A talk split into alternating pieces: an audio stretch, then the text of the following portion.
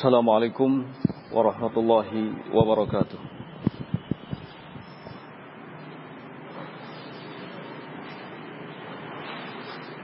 إن الحمد لله نحمده تعالى ونستعينه ونستغفره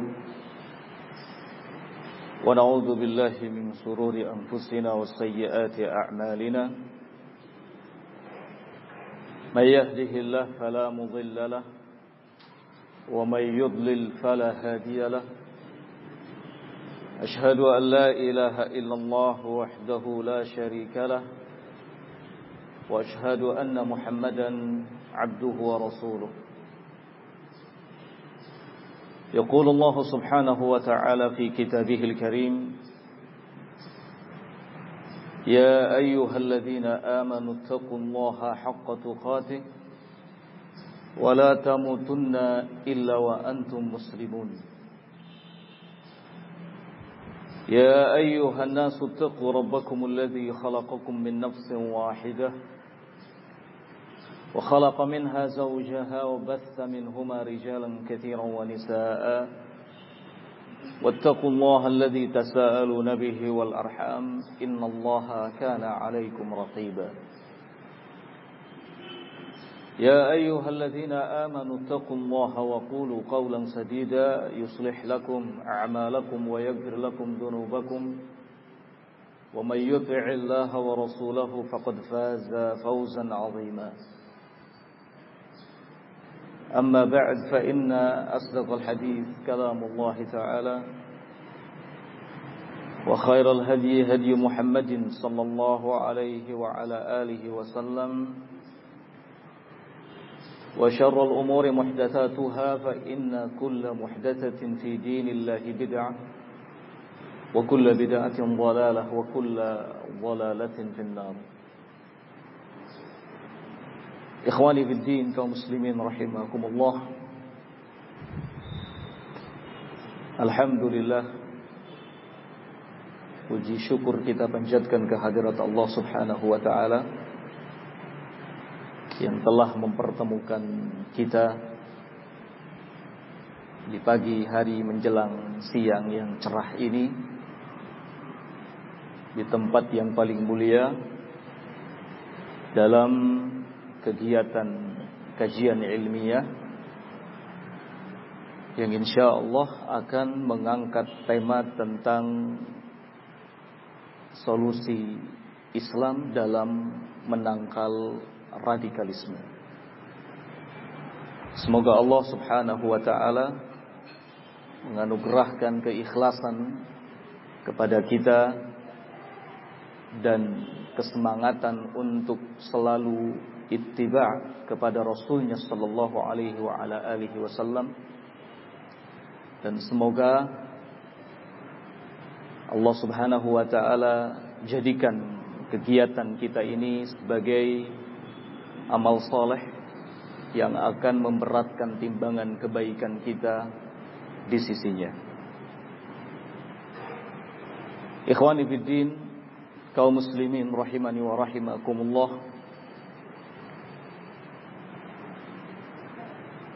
Di antara sekian banyak musibah yang menimpa kaum muslimin di berbagai penjuru dunia dewasa ini adalah munculnya tindakan-tindakan teror, kekerasan, radikal yang mengatasnamakan Islam, membela Islam, bahkan ada yang sampai menyebutnya sebagai bentuk jihad di jalan Allah Subhanahu wa taala.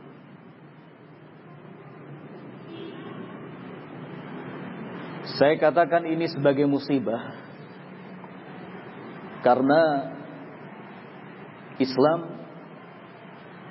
tidak pernah mengajarkan kepada pemeluknya untuk melakukan tindakan-tindakan yang seperti ini dalam rangka menjaganya dan membelanya.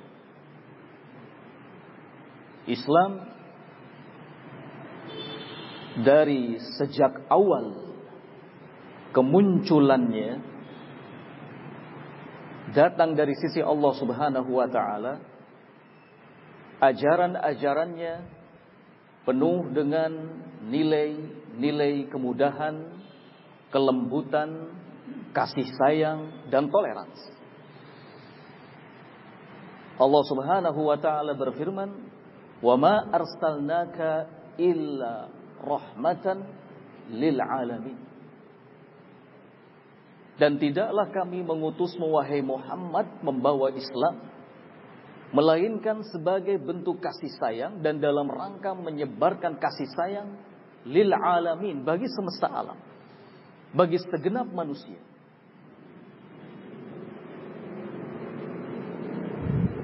Nabi Shallallahu Alaihi Wasallam menyatakan dalam sabdanya, Inna ahabbad din ilallah al-hanifiyah as-samah, as-samhah.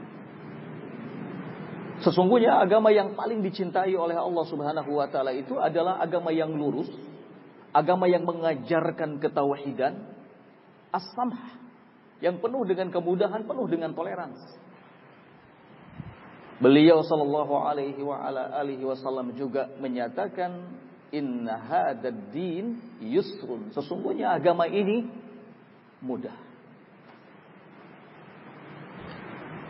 Maka ikhwan fiddin rahimakumullah kaum muslimin yang dimuliakan Allah Subhanahu wa taala, Islam mengharamkan segala macam bentuk kekerasan, tindakan-tindakan teror radikal baik dalam bentuk pembunuhan, perampokan, pencurian, atau bahkan peledakan-peledakan bom yang dapat memunculkan ketakutan dan meresahkan manusia. Nabi Shallallahu Alaihi Wasallam menyatakan, لا يحل لمسلم أن يروع مسلما tidak halal bagi seorang muslim untuk menebar ketakutan, menanamkan kecemasan pada muslim yang lainnya. Islam adalah agama yang betul-betul menjaga jiwa manusia secara umum. Allah Subhanahu wa taala menyatakan dalam firman-Nya di Quran surat Al-Maidah ayat yang ke-32 Man qatala nafsan bighairi nafsin aw fasadin fil ard faka'annama qatala an-nasa jami'an. Wa man ahyaha faka'annama ahya an-nasa Barang siapa yang membunuh satu jiwa manusia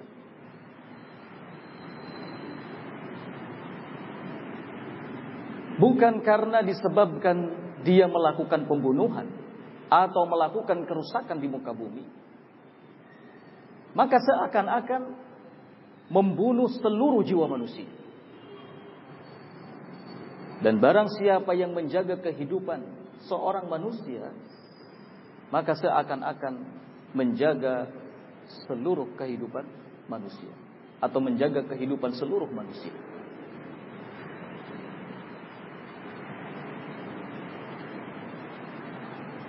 Kita tidak mengingkari syariat jihad. Karena jihad di dalam Islam adalah amalan yang tinggi, amalan yang agung. Nabi Shallallahu Alaihi Wasallam sampai menyatakan bahwa jihad itu adalah dirwatu sanamil Islam, puncak ketinggian Islam. Tetapi jihad memiliki etika, jihad memiliki adab, ada aturan-aturannya. Jihad tidak berarti meluapkan kemarahan, emosi, balas dendam. Jihad di dalam Islam adalah amalan yang penuh dengan aturan. Tidak serampangan. Nabi Shallallahu Alaihi Wasallam pernah satu ketika hendak melakukan penyerangan terhadap sebuah kampung yang betul-betul sudah teridentifikasi kalau di dalam kampung tersebut ada orang-orang kafir. Namun beliau Shallallahu Alaihi Wasallam tidak jadi melakukannya hanya karena mendengar ada suara azan yang dikumandangkan dari dalam kampung tersebut.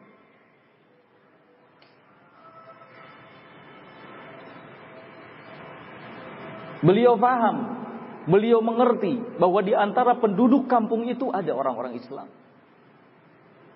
Mereka tidak boleh dilukai.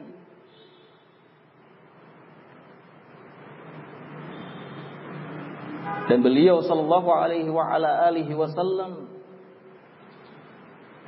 melarang dalam jihad membunuh wanita, membunuh anak kecil, membunuh orang-orang tua dan membunuh siapa saja yang tidak terlibat dalam peperangan.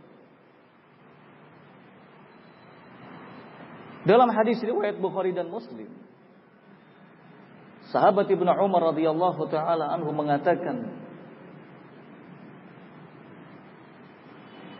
wajadtu imra'atan maqtulatan fi ba'd maghazi Rasulullah sallallahu alaihi wa ala alihi wasallam. Aku pernah mendapati ada seorang wanita yang terbunuh di sebagian peperangan yang dilakukan oleh Rasulullah sallallahu alaihi wa ala alihi wasallam. Fanahan Nabi sallallahu alaihi wa ala alihi wasallam an qatlis sibyan wan nisa. Lalu beliau sallallahu alaihi wa ala alihi wasallam melarang membunuh wanita dan anak-anak. Ikhwan fillah rahimani wa rahimakumullah. Tujuan utama dari jihad adalah menegakkan kalimat Allah setinggi-tingginya. Bukan membuat kerusakan, bukan membuat kekacauan, tidak juga meresahkan keamanan. Oleh karena itu Allah Subhanahu wa taala menyatakan dalam firman-Nya, "Wa qatiluhum hatta la takuna fitnah wa yakuna ad-dinu lillah. Fa in intahau fala udwana illa 'ala zalimin." Dan perangilah mereka, orang-orang kafir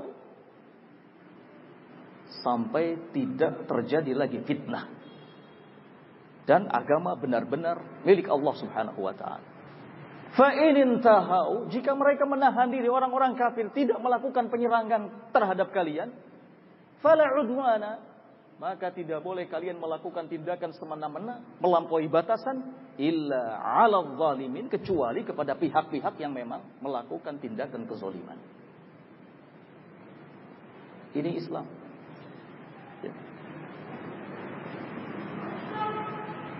Tujuan jihad sangat mulia.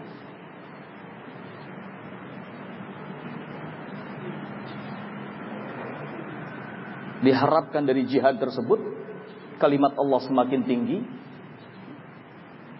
Banyak orang yang kemudian tertarik untuk memeluk dinul Islam. Nabi Shallallahu Alaihi Wasallam menyatakan, "Man litakuna kalimat Allah hiyal ulya fahuwa fi sabilillah. Barang siapa yang berperang dengan tujuan untuk menegakkan kalimat Allah Subhanahu wa taala yang tinggi, fahuwa fi sabilillah, maka dia yang disebut dengan berperang di jalan Allah Subhanahu wa taala. Kita harus hati-hati. Di zaman sekarang ini tidak setiap seruan jihad betul-betul sebagai jihad. Ada banyak orang yang melakukan tindakan-tindakan radikal, teror, kemudian mengatasnamakan jihad.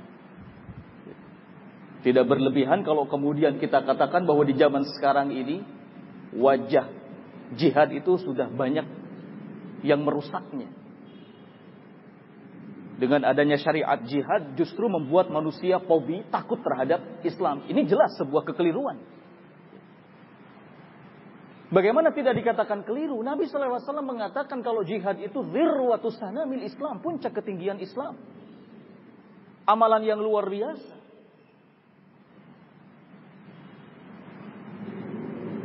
Maka jihad harus dilakukan lillah dengan ilmu dan mengikuti tuntunan Rasulullah sallallahu alaihi wasallam. Karena kita punya kaidah Islam mengajarkan kepada kita kaidah yang mutlak berlaku dalam seluruh ketaatan, dalam seluruh ibadah. Sebesar apa pun ibadah itu tetap harus mengikuti kaidah ini. Apa itu? Pertama adalah ikhlasulillah. Mengikhlaskan ibadah dan ketaatan itu hanya untuk Allah Azza wa Jalla wal mutaba'ah dan selalu mengikuti bimbingan Rasul sallallahu alaihi wa ala alihi Jika salat harus seperti itu, jika saum harus seperti itu, jika haji harus seperti itu, maka jihad pun yang merupakan amalan tertinggi katakan jelas harus seperti itu. Di atas kaidah ikhlas dan mutaba'ah. Nah, Ikhwan fillah rahimakumullah, kaum muslimin yang dimuliakan oleh Allah Subhanahu wa taala. Memang kita diperintahkan untuk membenci orang-orang kafir.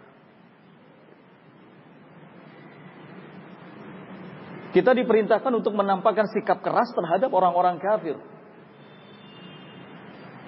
Allah Subhanahu wa taala menyatakan dalam firman-Nya walladzi Muhammadun Rasulullah walladzina ma'ahu asyidda'u 'alal kufar ruhama bainahum. Muhammad Rasulullah dan orang-orang yang bersamanya senantiasa menampakkan sikap keras terhadap orang-orang kafir dan berkasih sayang antar sesama mereka. Bahkan Allah Subhanahu wa taala pun sudah memberitahukan kepada kita bahwa orang-orang kafir itu tidak akan pernah rela, tidak akan pernah ridho kepada kita sampai kita mengikuti mereka. Walan tarda ankal yahud walan nasara hatta tattabi'a millatahum. Orang-orang Yahudi, orang-orang Nasrani tidak akan pernah rela, tidak akan pernah ridho kepada kalian sampai kalian mengikuti mereka. Betul bahwa kita diperintahkan untuk menampakkan sikap antipati, barok terhadap orang-orang kafir musyrikin, mengikuti Nabi Ibrahim alaihi salatu wassalam yang dengan terang-terangan mengumumkan hal ini di hadapan orang-orang kafir musyrikin.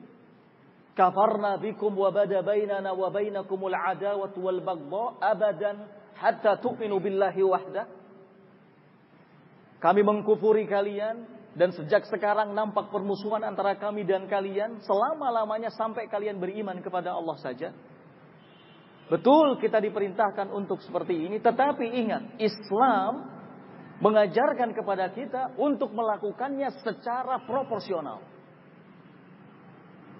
Secara adil. Wasat, secara pertengahan. Tidak hulu, tidak berlebihan, tidak pula mengenteng-entengkan masalah. Allah Subhanahu wa taala menjadikan umat Islam ini sebagai umat yang wasaton, litakunu syuhada agar menjadi saksi bagi seluruh umat.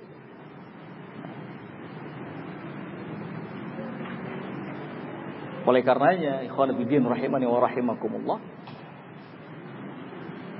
Allah Subhanahu wa taala berfirman, "Wa la yajrimannakum syana'anu qaumin an saddukum an sabilillah an ta'taddu." Jangan sampai kebencian kalian kepada suatu kaum karena mereka menghalang-halangi ibadah kalian. Mereka menghalang-halangi kalian untuk melakukan ibadah di tanah suci.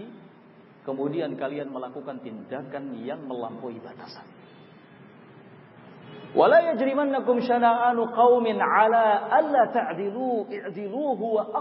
Littaqwa.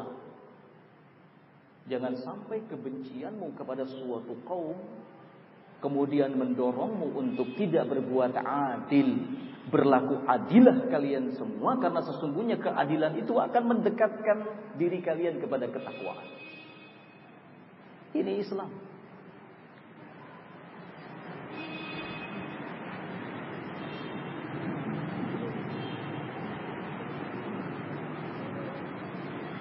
Islam menetapkan bahwa ada orang-orang kafir yang memang haram hukumnya untuk ditumpahkan darahnya.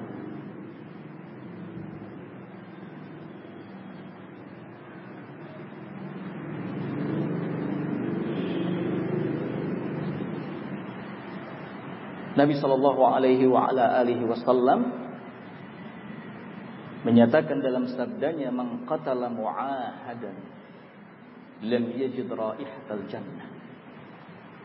Atau kama qala sallallahu alaihi wa ala alihi wasallam, barang siapa yang membunuh kafir mu'ahad, orang-orang kafir yang terikat perjanjian, maka dia tidak akan pernah dapat mencium wanginya surga. Al-Habib Ibnu Hajar Al-Asqalani rahimahullahu taala mengatakan bahwa yang termasuk ke dalam kafir mu'ahad yang terikat perjanjian itu di antaranya adalah orang-orang kafir yang menyerahkan upeti kepada kaum muslim. Kafir zimmi. Masuk pula di dalamnya orang-orang kafir yang masuk ke daerah kaum muslimin dengan jaminan pemerintahan setempat. Kafir musta'man. Maka inilah pihak-pihak dari kalangan orang kafir yang kita diharamkan untuk membunuh mereka melukai mereka, melakukan tindakan aniaya terhadap mereka. Karena darahnya dilindungi oleh Islam. Kafir mu'ahad, kafir musta'man, kafir dhimmi.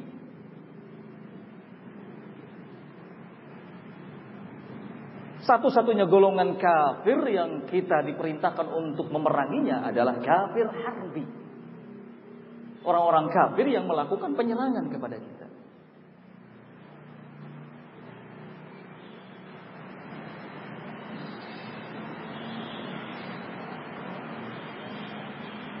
La yanhakumullah 'anil yuqatilukum fid din yukhrijukum min wa.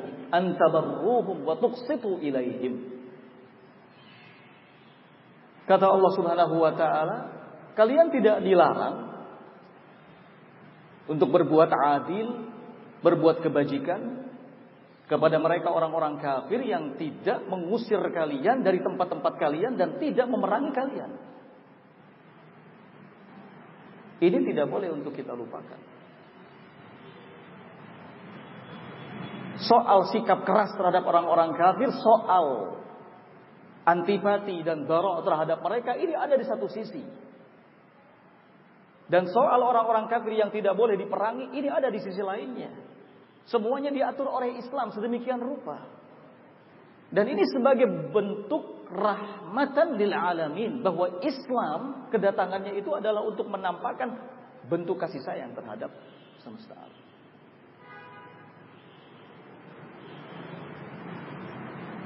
Ikhwani fillah rahimani wa rahimakumullah. Maka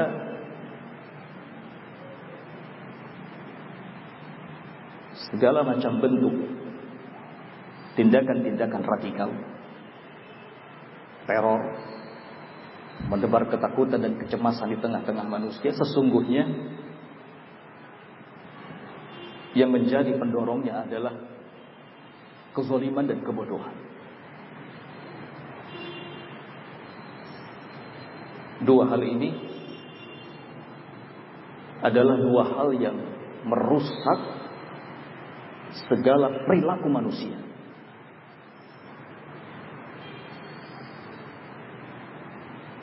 Kerusakan-kerusakan apa pun yang ditimbulkan oleh manusia. Penyebabnya adalah kezoliman dan kejahilan. Karena zalim dan jahil.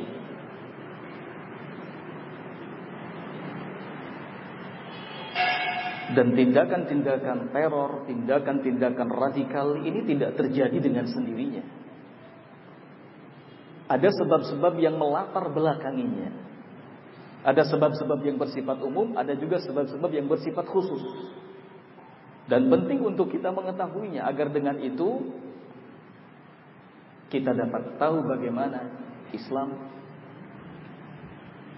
mengajarkan kepada kita untuk menghindarinya atau melakukan antisipasi dari Maka di antara sebab-sebab umum yang melatar belakangi terjadinya tindakan teror radikal di antaranya yang pertama adalah ideologi.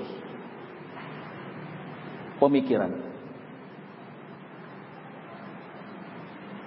Tentu ideologi dan pemikiran yang menyimpang. Ideologi dan pemikiran yang menyesatkan. Ideologi dan pemikiran yang salah. Muncul keyakinan bahwa melakukan pemberontakan terhadap pemerintah yang tidak menerapkan hukum Allah adalah bagian dari jihad fisabilillah.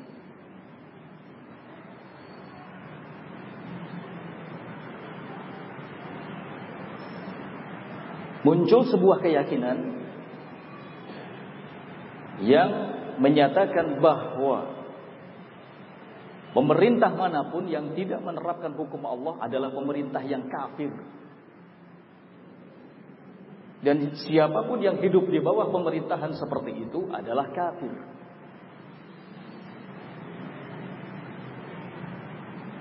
Muncul keyakinan bahwa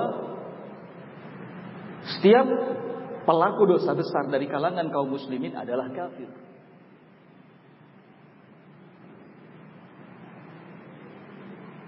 Muncul keyakinan bahwa kekafiran itu hanya satu macam, tidak ada kafir kecil, tidak ada kafir besar. Semua sama. Dan yang disebut dengan kafir itu berarti kekal di dalam neraka.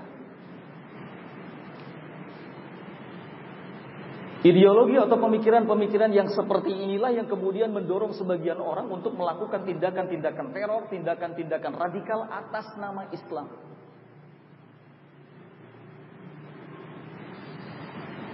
Merasa benar ketika melakukannya.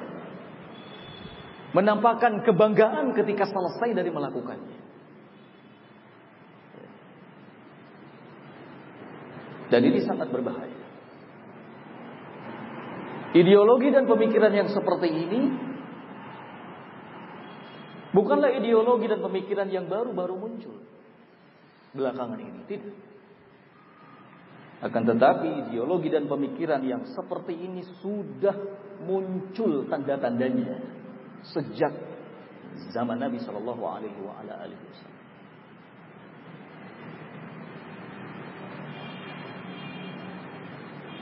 Ketika ada seseorang yang dikenal dengan sebutan Zul yang tidak merasa puas atas keputusan Nabi Shallallahu Alaihi Wasallam terkait dengan pembagian ghanimah. Sampai dia mengatakan, "Idil ya Muhammad." Berbuat adilah wahai Muhammad. Nabi Shallallahu alaihi wasallam menyatakan, "Waihak man ya'dil idza lam a'dil." Siapa lagi yang akan berbuat adil jika aku tidak berbuat adil? Umar sempat marah, kemudian menawarkan kepada Rasulullah Sallallahu Alaihi Wasallam untuk memenggal lehernya. Afala adrib unuqahu ya Rasulullah? Bolehkah aku penggal lehernya wahai Rasulullah? Kata beliau Sallallahu Alaihi Wasallam jangan. Kemudian beliau mengabarkan bahwa di belakang hari nanti akan muncul orang-orang yang seperti ini.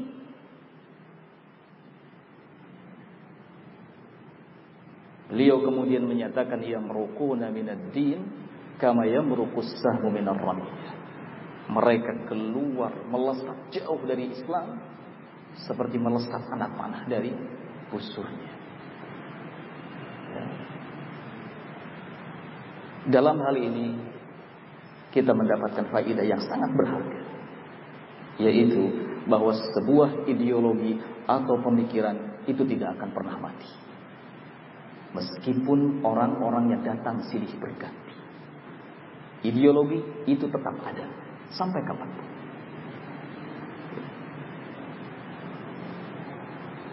Sebagaimana al-haq akan turun temurun, maka kebatilan pun demikian. Jika dari zaman dahulu yang namanya kebenaran itu selalu bertolak belakang dengan kebatilan, maka zaman sekarang pun seperti itu.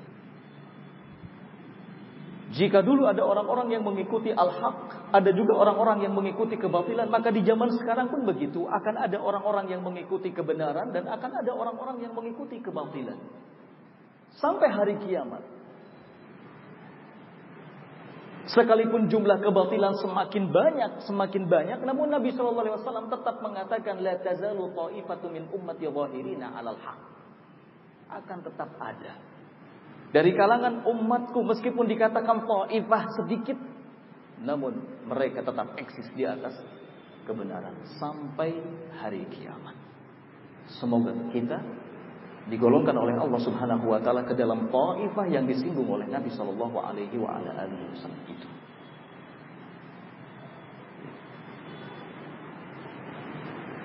Ini hal yang melatar belakangi tindakan teror dan radikal yang pertama.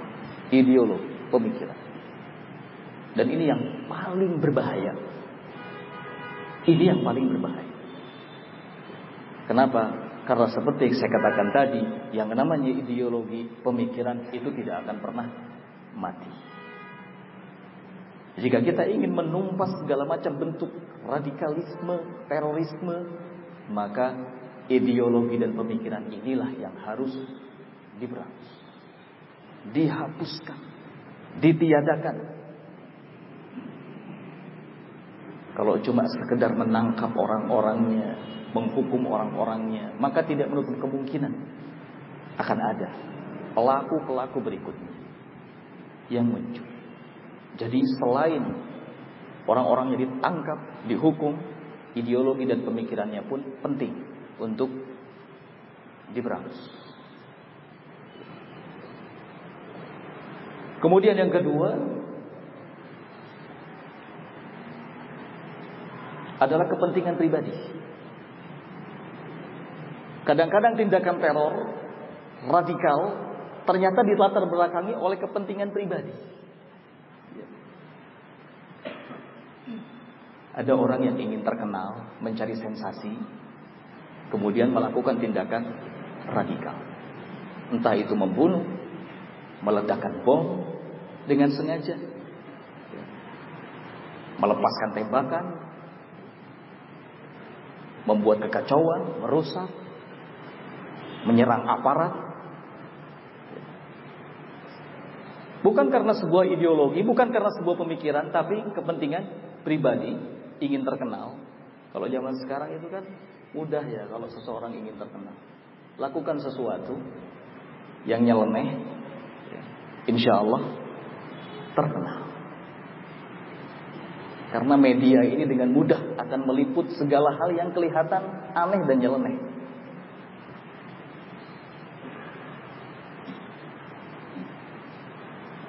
Media itu dengan mudah akan meliput segala hal yang di luar kebiasaan banyak orang. Jangan dikira.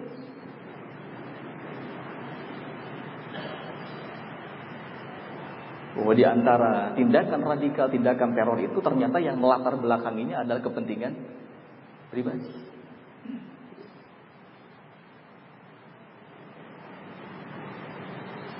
Kita mungkin sering atau pernah mendengar ada berita-berita orang meledakkan bom, orang melempar granat, ya, menyerang kantor polisi, menyerang ini dan itu.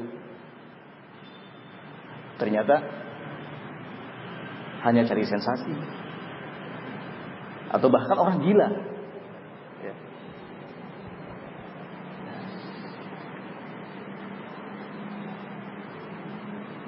Kemudian berikutnya yang ketiga, yang melatar belakangi tindakan-tindakan teror dan radikal adalah masalah politik. Bisa jadi.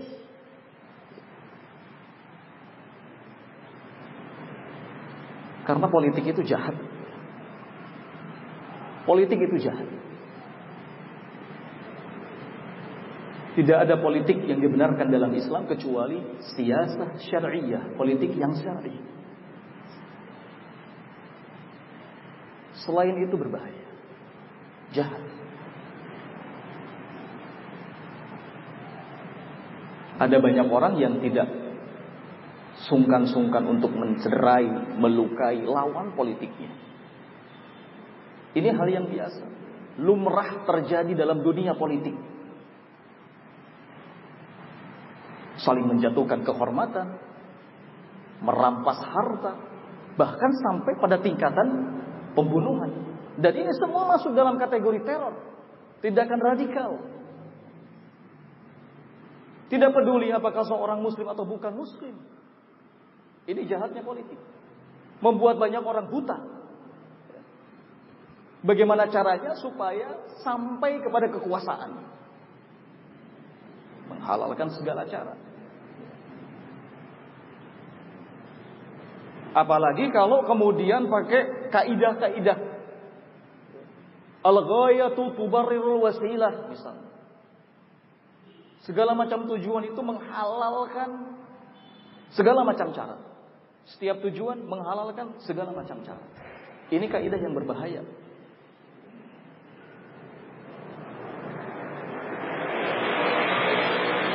Padahal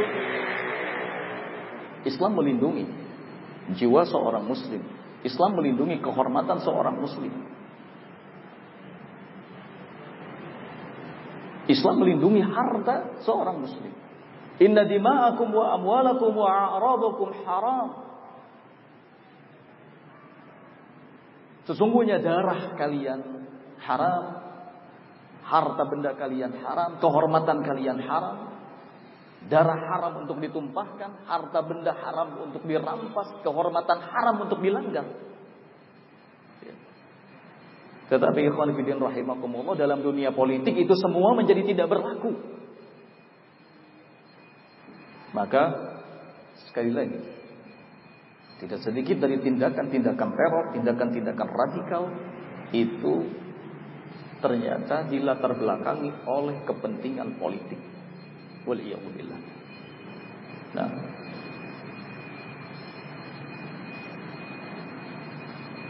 Berikutnya ikhwan rahimani wa rahimakumullah.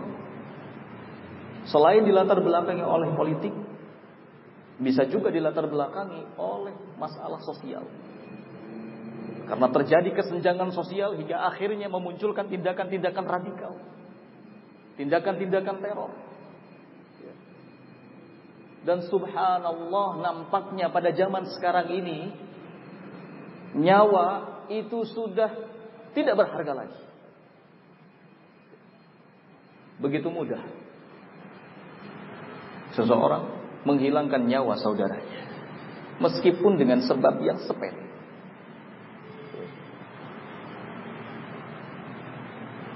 Padahal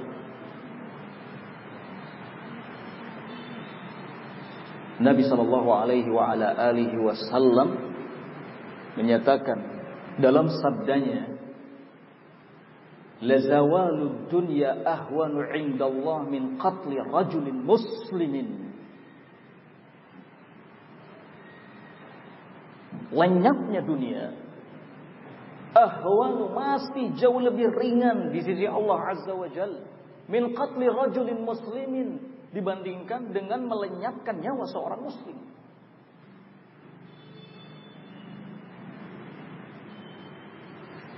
sekarang masalah sedikit terjadi pembunuhan. Cekcok sedikit terjadi pembunuhan. Ya.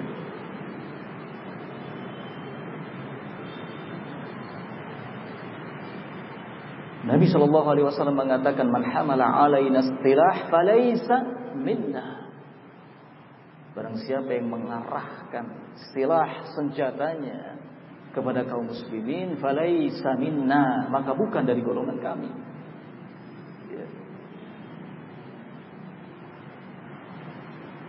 Ini fitnah. Ini fitnah yang terbesar yang terjadi di masa sekarang. Fitnah dima, fitnah darah, fitnah pembunuhan. Dan ini menjadi pertanda dari datangnya hari kiamat.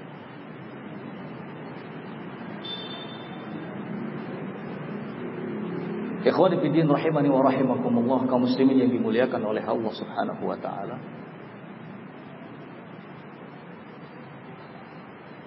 Sebab yang melatar belakangi tindakan teror dan radikal yang lainnya adalah masalah ekonomi.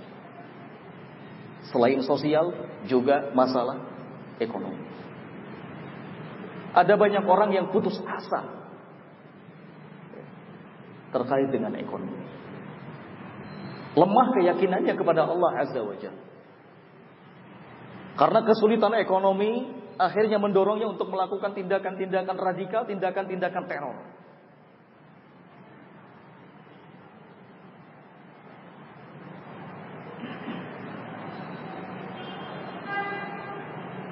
Muncul sifat dendam, hasad, iri, Ketika Allah Subhanahu wa taala menganugerahkan rezeki, kenikmatan kepada orang lain. Ini sangat berbahaya. Ya. Padahal rezeki itu diatur oleh Allah Subhanahu wa taala, tapi karena keyakinan yang lemah hingga akhirnya mendorong seseorang di saat kesulitan ekonomi melakukan tindakan-tindakan radikal. Sebab yang melatar belakangi lainnya adalah masalah pendidikan.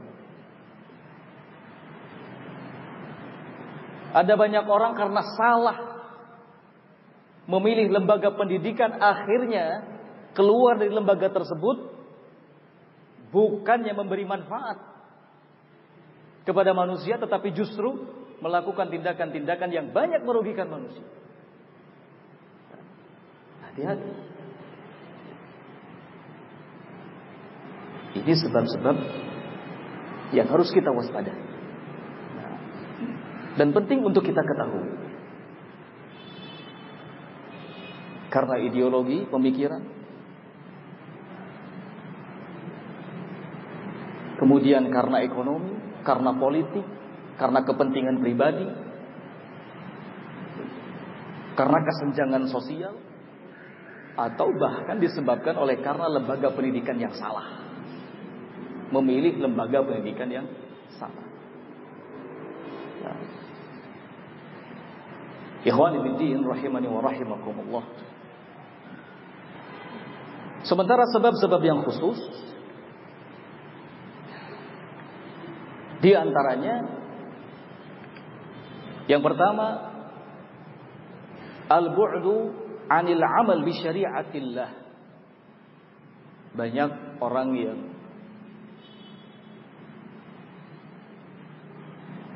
sudah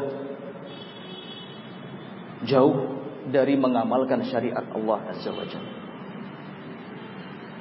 Mengabaikan perintah-perintah Allah dan mengabaikan larangan-larangan.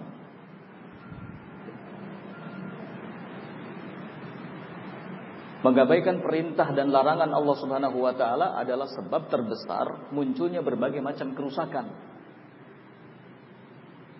Allah Subhanahu wa taala mengingatkan dalam firman-Nya, "Wa man a'rada an dzikri fa inna lahu ma'isyatan dhanka wa nahsyuruhu yaumal qiyamati a'ma." Barang siapa yang berpaling dari mengingatku, orang yang mengabaikan perintah Allah, mengabaikan larangan Allah adalah orang yang berpaling dari mengingat Allah. Fa innalahu ma'isyatan dhanka kata Allah Subhanahu wa taala kami akan berikan kepadanya kehidupan yang sempit. Kata para ulama tafsir, kehidupan yang sempit yang dimaksud adalah terjadinya berbagai macam kerusakan. Di antara sekian banyak kerusakan itu adalah munculnya tindakan-tindakan teror, tindakan-tindakan radikal yang mengatasnamakan Islam. Semoga ini menjadi renungan kita bersama. Ingat Allah Subhanahu wa taala menyatakan dalam firman-Nya al fasad fil barri wal bahr bima kasabat aydin nas. Muncul kerusakan di daratan, di lautan oleh sebab ulah tangan manusia. Manusia sendiri yang menyebabkan. Memang Allah Subhanahu wa taala mentakdirkan semua itu terjadi, tetapi sekali-kali kita tidak boleh menyandarkan kejelekan kepada Allah. Karena yang berhubungan langsung dengan segala macam keburukan, segala macam kerusakan adalah manusia itu sendiri. Maka berpikirlah. Mungkin saja kerusakan-kerusakan berupa tindakan teror, radikalisme, terorisme, semua itu lantaran kita yang jauh dari Allah Subhanahu wa taala hingga akhirnya Allah menghukum kita dengan kemunculan orang-orang yang melakukan tindakan-tindakan teror dan radikal. Waliyahumillah. Ini sebagai renungan bagi kita semua. Maka solusinya adalah kita hendaknya semakin mendekatkan diri kepada Allah. Selalu perhatian terhadap segala perintah dan larangan Allah. Laksanakan perintahnya, jauhi larangan larangannya. Amalkan syariat Allah Azza wa Jalla dengan baik. Karena Islam itu adalah din yang mengandung hal-hal atau perkara-perkara yang harus dikerjakan dan perkara-perkara yang harus ditinggalkan. Kalau bahasa mahasiswanya mungkin Islam is take it and leave it. Islam itu mengandung dua unsur, ada yang diambil dan ada yang ditinggalkan. Ada yang dikerjakan dan ada yang perlu untuk ditinggalkan. Islam adalah al-amru wan nahyu. Ada perintah, ada larangan.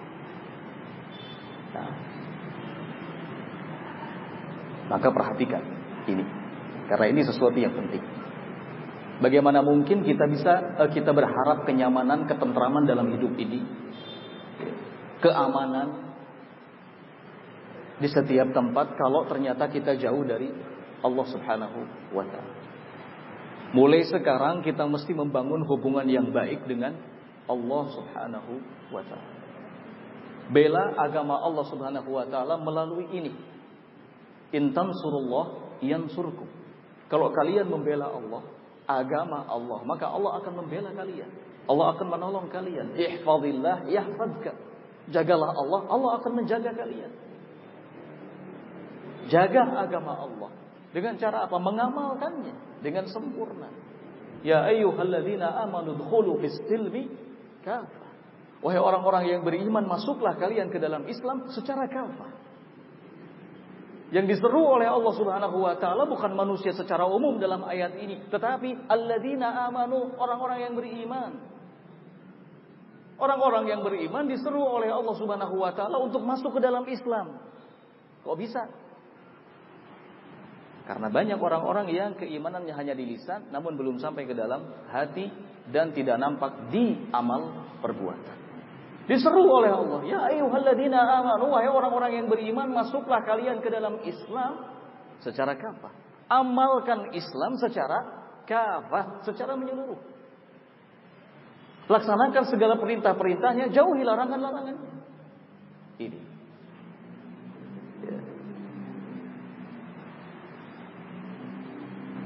Kemudian sebab yang kedua adalah munculnya kelompok-kelompok yang memisahkan diri dari persatuan dan kesatuan kaum muslimin di bawah pemerintahnya. Kelompok-kelompok yang cenderung eksklusif, kelompok-kelompok yang cenderung menyendiri. Ini menjadi cikal bakal munculnya tindakan-tindakan teror radikal.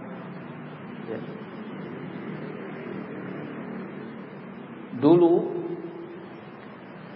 Umar bin Abdul Aziz rahimahullahu taala Beliau mengatakan idza ra'aita qauman yatanajawna fi syai'in min ad-din duna al-'amah fa'lam annahum 'ala ta'sisi dhalalah Apabila engkau melihat ada suatu kaum yang mereka berbincang-bincang tentang sesuatu yang menyangkut agama secara tertutup, tidak terbuka di hadapan halayak umum, maka ketahuilah bahwa sesungguhnya mereka berada di atas landasan yang menyesatkan. Ingat itu.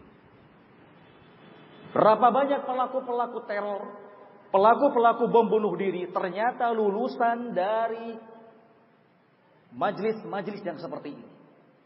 Lulusan pengajian-pengajian yang seperti ini. Lulusan madrasah-madrasah yang seperti ini.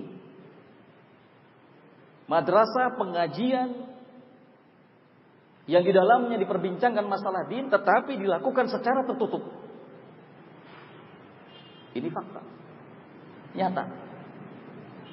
Sampai saat ini masih ada pengajian-pengajian yang seperti itu keadaannya.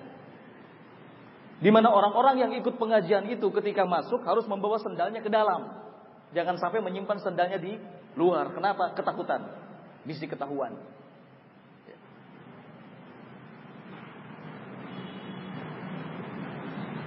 Ada bahkan yang melakukan pengajian di gedung lantai dua, di atasnya pengajian, ya, berbicara tentang agama secara tertutup, kemudian di bawahnya masih termasuk anggota dari pengajian itu, namun sengaja gedung atau bagi, lantai yang bawah dipakai untuk main-main, pakai untuk badminton, pingpong, supaya apa? Supaya tidak ketahuan kalau di atas sedang membicarakan sesuatu. Maka tepat bila dulu Umar bin Abdul Aziz mengatakan apabila engkau melihat ada suatu kaum yang berbincang-bincang membahas sesuatu yang menyangkut agama tetapi secara tertutup, eksklusif, tidak di hadapan halayak umum, maka ketahuilah bahwa mereka berada di atas landasan yang menyesatkan. Hati-hati bila kita diajak untuk mengikuti pengajian-pengajian yang seperti ini tertutup Apalagi kalau sudah ngomong soal bayat-bayat. Berbahaya. Apalagi kalau sudah membicarakan soal imam, imam, imam. Apalagi kalau motonya iman, hijrah, jihad. Kita tidak mengingkari keimanan, kita tidak mengingkari soal jihad, kita tidak mengingkari soal hijrah, tetapi jika ini semua dijadikan sebagai topik yang khusus, ya, maka hati-hati. Kita harus hati-hati. Ada maunya.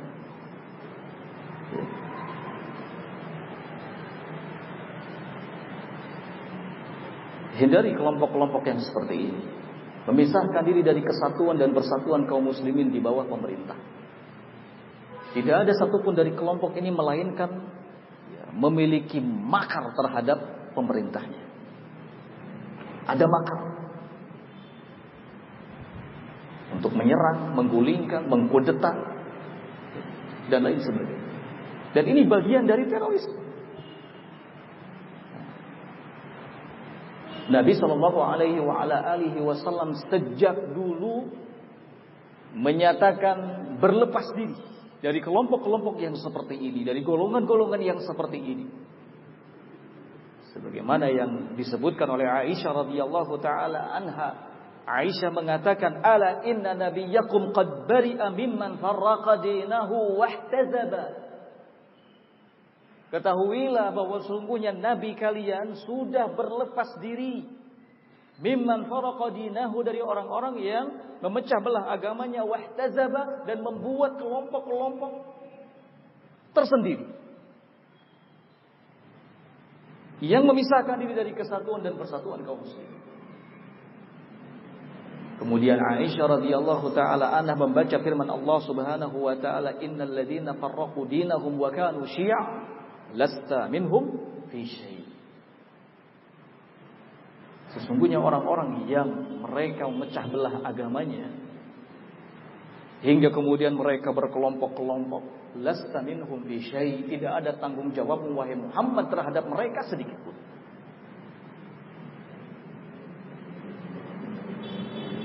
Rahimani wa rahimakumullah.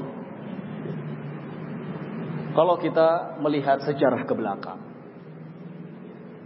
maka terjadinya fitnah. Awal mula terjadinya fitnah, pertumpahan darah, pemberontakan, itu diakibatkan oleh kelompok yang seperti ini.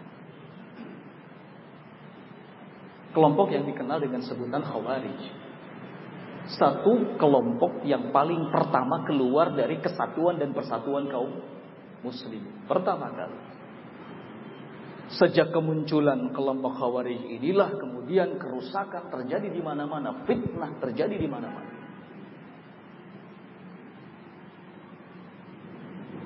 Hingga Khalifah Utsman radhiyallahu taala terbunuh. Ya.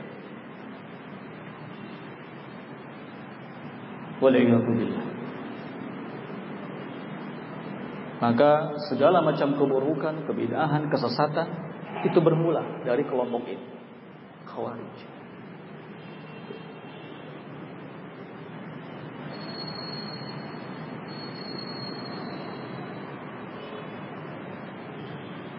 Jika kita ingin berupaya membersihkan Islam dari tindakan-tindakan radikal, tindakan-tindakan teror, maka kelompok-kelompok yang seperti ini itu harus dicegah kemunculannya. Ya. Karena kelompok-kelompok ini nyata-nyata menampakkan diri memisahkan dari kesatuan dan persatuan kaum muslim.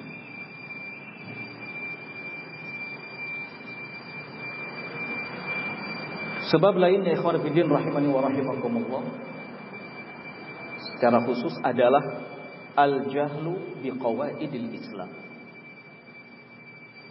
Terjadinya tindakan teror radikal itu karena kebodohan terhadap kaidah-kaidah Islam, adab-adabnya dan hal-hal yang terkait dengannya. kaum muslimin kalau keadaannya seperti ini ya, maka ini musibah yang besar apalagi kalau seandainya menimpa kaula mudanya. Ini sangat berbahaya. Musibah. Sebab kaula muda atau para pemuda kalau tidak dibimbing dengan ilmu kalau dalam keadaan jahil dalam keadaan bodoh maka akan lebih memperturutkan hawa nafsunya perasaannya dan semangatnya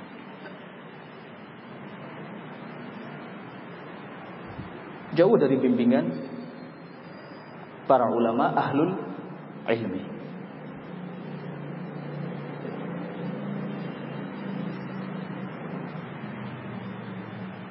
Ini akan mendorong para pemuda melakukan tindakan-tindakan di luar bimbingan Islam. Oleh karena itu, di antara sekian banyak perkara yang dapat memalingkan seseorang dari kebenaran adalah al-jahl. Ini yang paling pertama al-jahl. Saya katakan kembali bahwa kaum muslimin musibah kalau seandainya dalam keadaan jahil tidak mengerti tentang kaidah-kaidah Islam. Dan jika ternyata kaulah mudanya juga dalam kondisi yang seperti ini, maka musibah lebih besar lagi.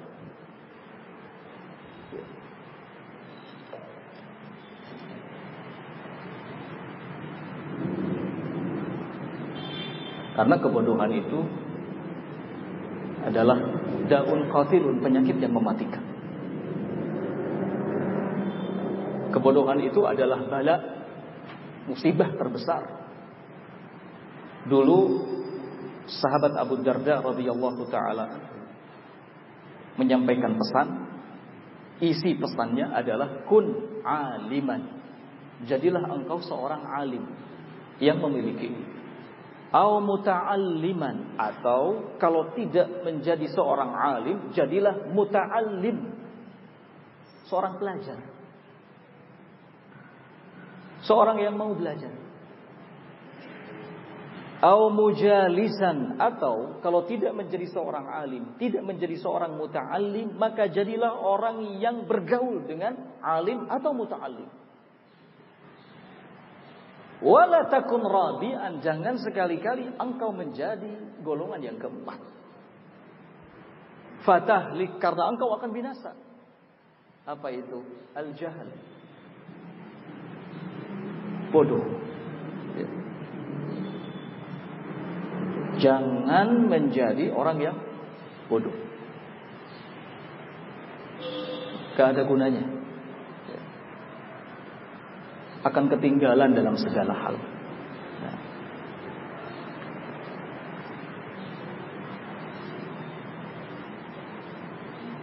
Gak ada satu kejelekan pun Melainkan Faktor utamanya adalah karena Kebodohan. Ya. Dalam segala Tidak hanya dalam hal yang menyangkut din Tetapi dalam perkara-perkara yang ada hubungannya dengan dunia pun begitu.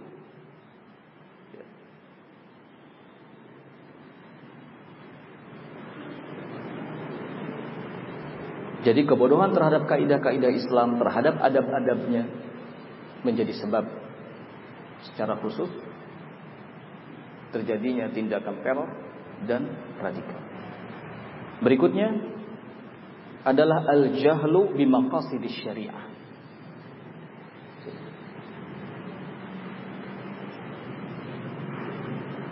Memiliki sedikit ilmu tetapi tidak memahaminya dengan baik sedikit pengetahuan tapi tidak dapat memahaminya dengan baik.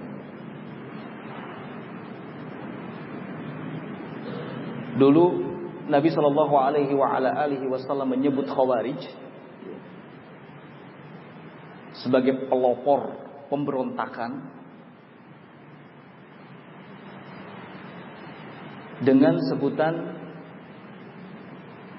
Yaqra'un al-Quran. Mereka adalah kaum yang gemar membaca Al-Quran. Namun La yujawiz hanajirhum Tetapi Bacaan-bacaannya terhadap Al-Quran itu Tidak melewati tenggorokan Apa maksudnya? La yatafaqqahun Hatta yasila ila qulubihim mereka tidak memiliki pemahaman yang baik sehingga sampai ke dalam hatinya.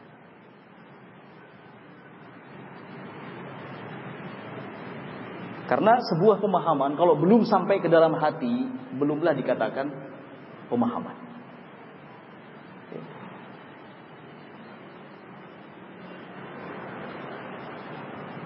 Jadi selain punya ilmu, butuh pemahaman yang baik ilmu apa pun kalau tidak dipahami dengan baik menjadi sesuatu yang berguna, tidak berguna. Dulu sahabat Umar bin Khattab beliau menyendiri pada suatu hari. Kemudian beliau berbicara kepada dirinya sendiri, "Kaifa takhtalifu hadhihi al-ummah wa nabiyyuha wahidun?" Bagaimana bisa terjadi perselisihan di tengah-tengah umat ini sementara nabinya satu. Ini yang mengganggu pikiran sahabat Umar bin Khattab pada saat itu. Kok bisa umat itu berselisih sementara nabinya satu?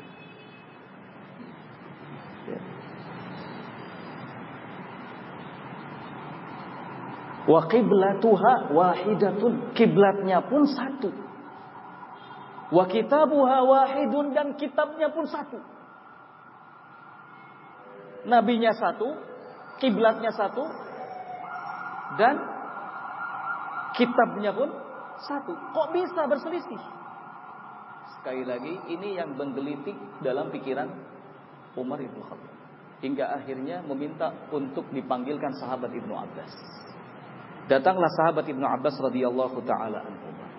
Kemudian Umar bertanya kepadanya, "Kaifa takhtalifu hadhil ummah?" Bagaimana bisa terjadi perselisihan di tengah-tengah umat ini?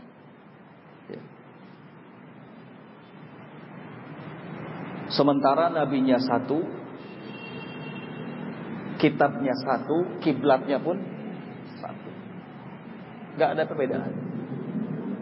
Maka beliau radhiyallahu taala anhu menjawab, Ya Amirul Mukminin, wahai Amirul Mukminin. Innama unzila alaina al-Qur'an faqara'nahu wa 'alimna fima unzila. Wahai Umar, Amirul Mukminin, sesungguhnya Al-Qur'an diturunkan kepada kita. Faqara'nahu kemudian kita membacanya dengan baik. Wa alimna dan kita tahu fima unzila tentang apa. Ayat demi ayat yang ada dalam Al-Qur'an itu diturunkan. Paham betul para sahabat. Tidak ada satu ayat pun yang diturunkan oleh Allah Subhanahu wa taala pada saat itu melainkan sahabat mengerti di mana ayat itu turun dan berbicara tentang apa. Tahu. Sahabat Ibnu Abbas mengatakan seperti ini. Wa innahu sayakunu ba'dana aqwamun yaqra'una al-Qur'an wa la yadrun fima unzila. Akan datang nanti suatu kaum yang mereka gemar membaca Al-Qur'an wa la yadruna fima unzila namun dalam keadaan tidak mengerti tentang apa ayat demi ayat yang diturunkan di dalam Al-Qur'an itu. Tidak mengerti. Fayakunu liqulli qaumin fihi ra'yun. Sehingga yang terjadi setiap kelompok, setiap kaum memiliki pemahaman tersendiri terhadap Al-Quran dan ayat demi ayat yang ada dalam Al-Quran tersebut. Faidah kana kadzalika ikhtalafu kalau sudah seperti itu keadaannya maka niscaya mereka akan berselisih. Karena pahamnya berbeda beda. Nah. Faidah kana likulli qaumin fihi ra'yun ikhtalafu faidah idza ikhtalafu iqtatalu. Kalau setiap kaum memiliki pemikiran pemahaman tersendiri terhadap Al-Quran, maka akan membuat mereka berselisih dan kalau mereka berselisih maka hasil akhirnya mereka akan bertengkar. Saling memerangi. Wa subhanallah apa yang disampaikan oleh sahabat Ibnu Abbas radhiyallahu taala anhum itu betul-betul nyata terjadi di zaman kita sekarang. Banyak orang yang memahami kitabullah Al-Quran dengan pemahamannya sendiri. Sehingga akhirnya menghasilkan kesimpulan sendiri. Demikian juga dengan yang lainnya memahami Al-Quran dengan pemahaman sendiri dan melahirkan kesimpulan sendiri. Jelas tidak akan bertemu. Terjadilah perselisihan. Ya. Berarti kalau ingin satu kata, satu pemahaman dalam memahami kitabullah azza wa jal ataupun dalam memahami sunnah Rasul sallallahu alaihi wa ala alihi wasallam, pemahaman yang mesti kita anut itu adalah pemahaman para sahabat ridwanullah alaihim ajmain. Ini kunci. Ini kata kunci. Mungkin ada banyak orang yang tidak habis pikir sampai sekarang.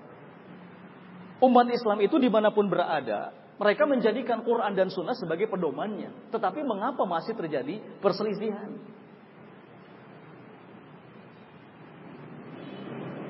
Kalau kita e, melihat kisah tadi, maka kita sudah bisa mengambil sebuah kesimpulan bahwa intinya belum ada satu pemahaman yang menyatukan mereka.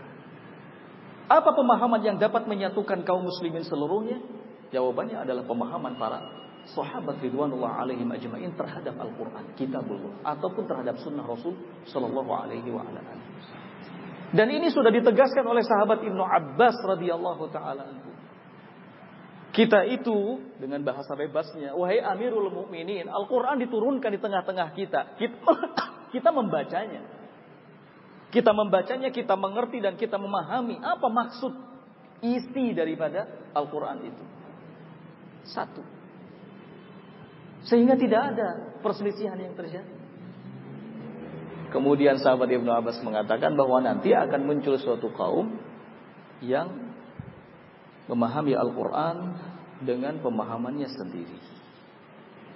Muncul lagi kaum berikutnya yang memahami Al-Quran dengan pemahamannya tersendiri. Hingga terjadilah perselisihan. Kalau masing-masing dari umat Islam itu. Memiliki pemahaman tersendiri terhadap Al-Quran, maka ini yang akan mengakibatkan terjadinya perselisihan dan perpecahan. Kalau sudah seperti itu, maka yang namanya pertengkaran atau bahkan sampai pada tingkat pembunuhan wal billah riskan terjadi. Ya. Sekali lagi, sekarang kita bisa ngambil kesimpulan kenapa masih saja terjadi perselisihan di tengah-tengah umat padahal kitabnya satu, kiblatnya satu, nabinya satu. Jawabannya karena banyak yang tidak mengetahui adanya pemahaman yang dapat menyatukan.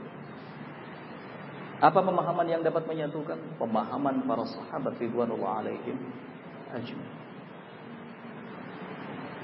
Di dalam Al-Qur'an Allah Subhanahu wa taala menyatakan wa may yushaqiqir rasul min ba'di ma tabayyana lahul huda wa yattabi' ghayra sabilil mu'minin nuwallihi ma tawalla wa nuslihi jahannam.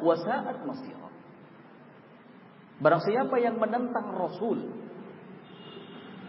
setelah datang petunjuk kepadanya, kemudian mengikuti selain jalannya kaum mukminin. Siapa kaum mukminin yang dimaksud di ayat ini? Mufassirun para ahli tafsir mengatakan bahwa yang dimaksud adalah para sahabat ridwanullah alaihim ajmain.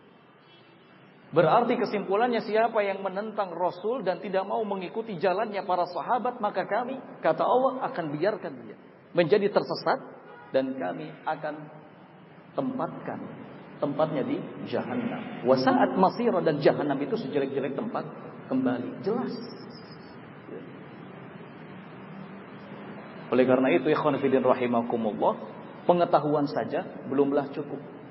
Sekedar mengerti saja belumlah cukup, tetapi harus dibarengi dengan pemahaman yang benar. Orang-orang yang melakukan tindakan teror, tindakan radikal, ya, mereka berdalil dengan Quran, dengan Sunnah. Ini dalilnya, ini kitabnya, ini Qurannya, ini Sunnahnya. Bukan tidak berdalil, berhujah.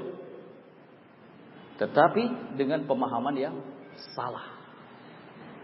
Hingga akhirnya melahirkan kesimpulan yang salah. Ketika melahirkan kesimpulan yang salah, akhirnya melakukan perilaku yang salah. Ke sananya salah semua. Ya. Penting. Meluruskan pemahaman itu sebuah hal yang penting. Ya. Nah, karena ternyata salah satu sebab munculnya tindakan-tindakan teror, tindakan-tindakan radikal adalah karena pemahaman yang keliru. Pemahaman yang salah. Tidak mengerti tentang maqasidus syariah. Maksud-maksud tujuan syariah. Nah,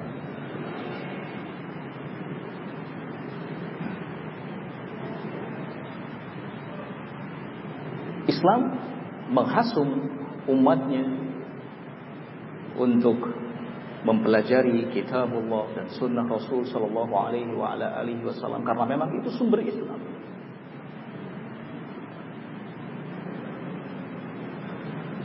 Islam adalah Alkitab was Namun kita diperintahkan untuk memahami dengan pemahaman benar.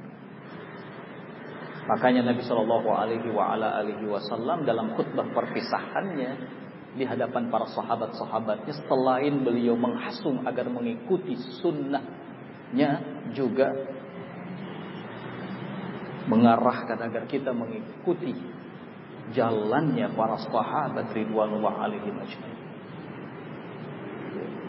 Man ya'ish minkum fasayara ikhtilafan katsira. Barang siapa yang tetap diberi kesempatan hidup oleh Allah Subhanahu wa taala di antara kalian, maka akan menyaksikan perselisihan yang begitu banyak. Solusinya fa'alaikum bisunnati was sunnatil khulafa ar-rasyid. Hendaknya kalian berpegang teguh kepada sunnahku. Tidak berhenti sampai di situ. Tapi dilanjutkan kemudian dan jalannya para sahabat yang diwakili oleh empat khulafa. Abu Bakar, Umar, Utsman dan Ali. Abu 'alaiha bin nawajid. Gigit sunnah tersebut dengan gigi geraham. Pegang erat-erat, jangan pernah dilepaskan.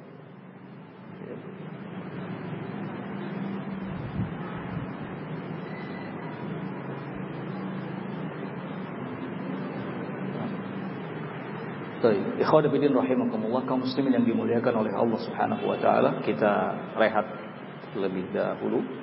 Insyaallah nanti kita lanjutkan.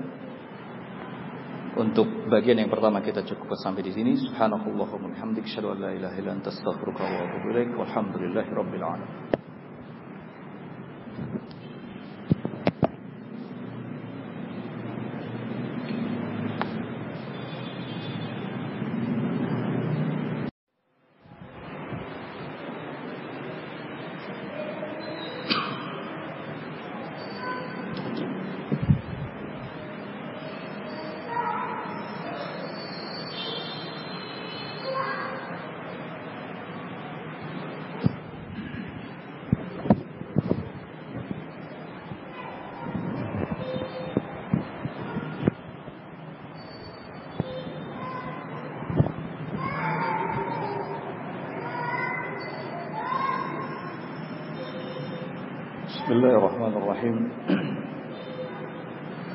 Alhamdulillah wassalatu wassalamu ala Rasulillah wa ala alihi wa sahbihi wa man walah wa ashhadu an la ilaha illallah wahdahu la sharika lah wa ashhadu anna Muhammadan abduhu wa rasuluh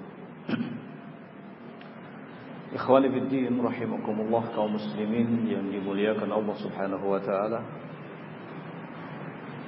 pada pertemuan pertama tadi telah kita sampaikan beberapa sebab yang melatar belakangi munculnya atau terjadinya tindakan-tindakan teror dan radikal dengan mengatasnamakan Islam. Baik secara umum maupun di sampaikan kemudian sebab-sebab secara khusus. Sampai pada poin yang keempat. Berikutnya di antara sebab munculnya tindakan radikal atau teror yang mengatasnamakan Islam yang sifatnya secara khusus adalah al-ghulu. Tindakan yang berlebihan. Atau dalam istilah lain ghulu berarti mujawazatul haddi melampaui batasan. Islam tidak menyukai perbuatan yang seperti ini. Islam memerangi keyakinan-keyakinan yang melampaui batasan, muamalah yang melampaui batasan, ibadah yang melampaui batasan. Islam memerangi segala macam perilaku yang mengandung unsur melampaui batasan. Nabi Shallallahu Alaihi Wasallam menyatakan dalam sabdanya halakal mutanatti'un halakal mutanaddirun halakal mutanaddirun sampai tiga kali beliau ulang celakalah orang-orang yang melampaui batasan. Celakalah orang-orang yang melampaui batasan. Celakalah orang-orang yang melampaui batasan. Salah satu bentuk tindakan melampaui batasan di dalam agama khususnya adalah terlalu bertumpu kepada dalil-dalil yang umum kemudian meninggalkan dalil-dalil yang khusus. Al-i'timadu bil umumiyat wa tarkul khususiyat. Bersandar bertumpu kembali merujuk kepada dalil-dalil yang bersifat umum namun kemudian melupakan dalil-dalil yang bersifat khusus. Hasil akhir dari hal yang seperti ini adalah munculnya pemahaman-pemahaman yang keliru, pemikiran-pemikiran yang melampaui batasan. yang pada akhirnya melahirkan tindakan-tindakan radikal, tindakan-tindakan teror, baik berupa pembunuhan, perampokan, peledakan bom, dan semisal.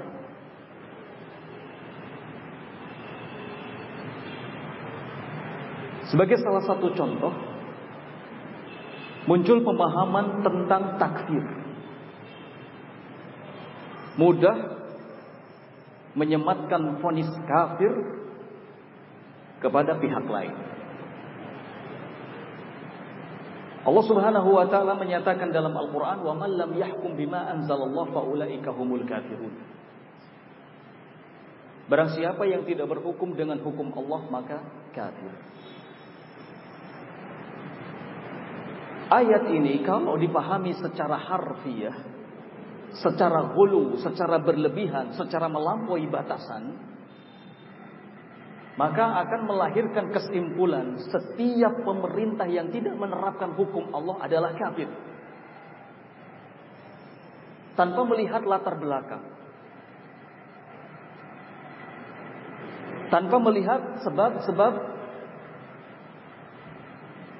yang mungkin menyebabkan adanya keinginan untuk menerapkan hukum selain hukum Allah Subhanahu wa taala. Sementara kalau kita lihat kutub tafsir, kitab-kitab tafsir para ulama, ternyata yang dimaksud dengan kata faulaika humul kafirun, maka mereka adalah orang-orang kafir, adalah kufrun duna kufrin. Kufrun amali, kufrun asghar, kekafiran yang tidak menyebabkan pelakunya keluar dari Islam.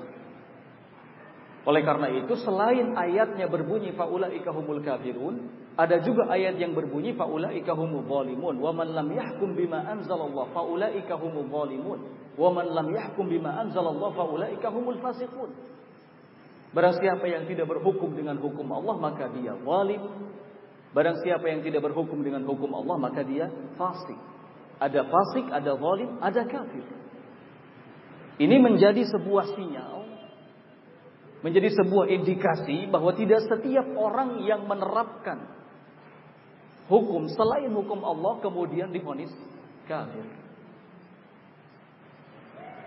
Kalau bertumpu kepada dalil yang bersifat umum, maka akan melahirkan kesimpulan bahwa setiap yang berhukum dengan selain hukum Allah, maka kafir. Sekalipun dia seorang muslim. Ikhwan rahimani wa rahimakumullah. Akan dikatakan kafir ketika seseorang punya keyakinan bahwa hukum selain Allah itu lebih baik daripada hukum Allah. Akan menjadi kafir ketika seseorang meyakini bahwa hukum selain Allah itu lebih bermaslahat daripada hukum Allah akan menjadi kafir ketika diyakini bahwa hukum selain Allah itu sama atau menyamai hukum Allah. Adapun jika seseorang masih meyakini bahwa hukum Allah itu lebih baik, hukum Allah itu lebih bermaslahat, hukum Allah itu lebih tinggi daripada hukum selainnya, namun pada prakteknya dia belum mampu menerapkan hukum Allah, maka tidak dinyatakan kafir, keluar dari Islam. Oleh karena itu sahabat Ibnu Abbas mengatakan kufrun duna kufrin. Ini adalah kekufuran yang tidak dengan serta-merta menyebabkan pelakunya keluar dari Islam. Ini adalah kufur amal. Kufur asghar. Kekafiran yang kecil. Bukan kekufuran yang besar yang menyebabkan keluar pelakunya dari Islam. Dan di dalam Islam sudah maklum bahwa kekufuran atau kekafiran itu ada dua. Ada kufrun akbar, ada kufrun asgar. Ada kekufuran atau kekafiran yang besar, yang jelas mengeluarkan pelakunya dari Islam. Ada yang asgar, yang kecil. Kekafiran itu tidak satu macam. Beda halnya dengan pemahaman yang berkembang yang dianut oleh kaum teroris, khawarij. Menyatakan bahwa kekufuran itu hanya satu macam. Siapa pun yang melakukan kekafiran maka hukumannya adalah neraka, kekal di dalamnya, keluar dari Islam.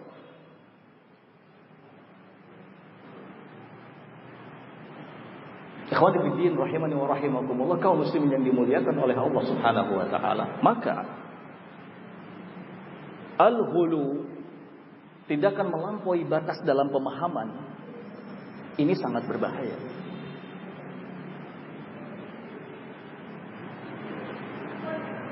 Pemahaman yang seharusnya kita jadikan acuan adalah pemahaman yang tidak keluar dari dalil-dalil kitabullah dan sunnah Rasul sallallahu alaihi wasallam dari Al-Qur'an dan As-Sunnah. Bila ada satu pemahaman berkaitan dengan urusan agama namun bertolak belakang dengan Al-Qur'an dan As-Sunnah, Al-Hadis, maka pemahaman itu adalah pemahaman yang melampaui batasan. Hulu masuk dalam kategori sabda Nabi Sallallahu Alaihi Wasallam halakal mutanatti'un celaka binasa orang-orang yang melampaui batasan.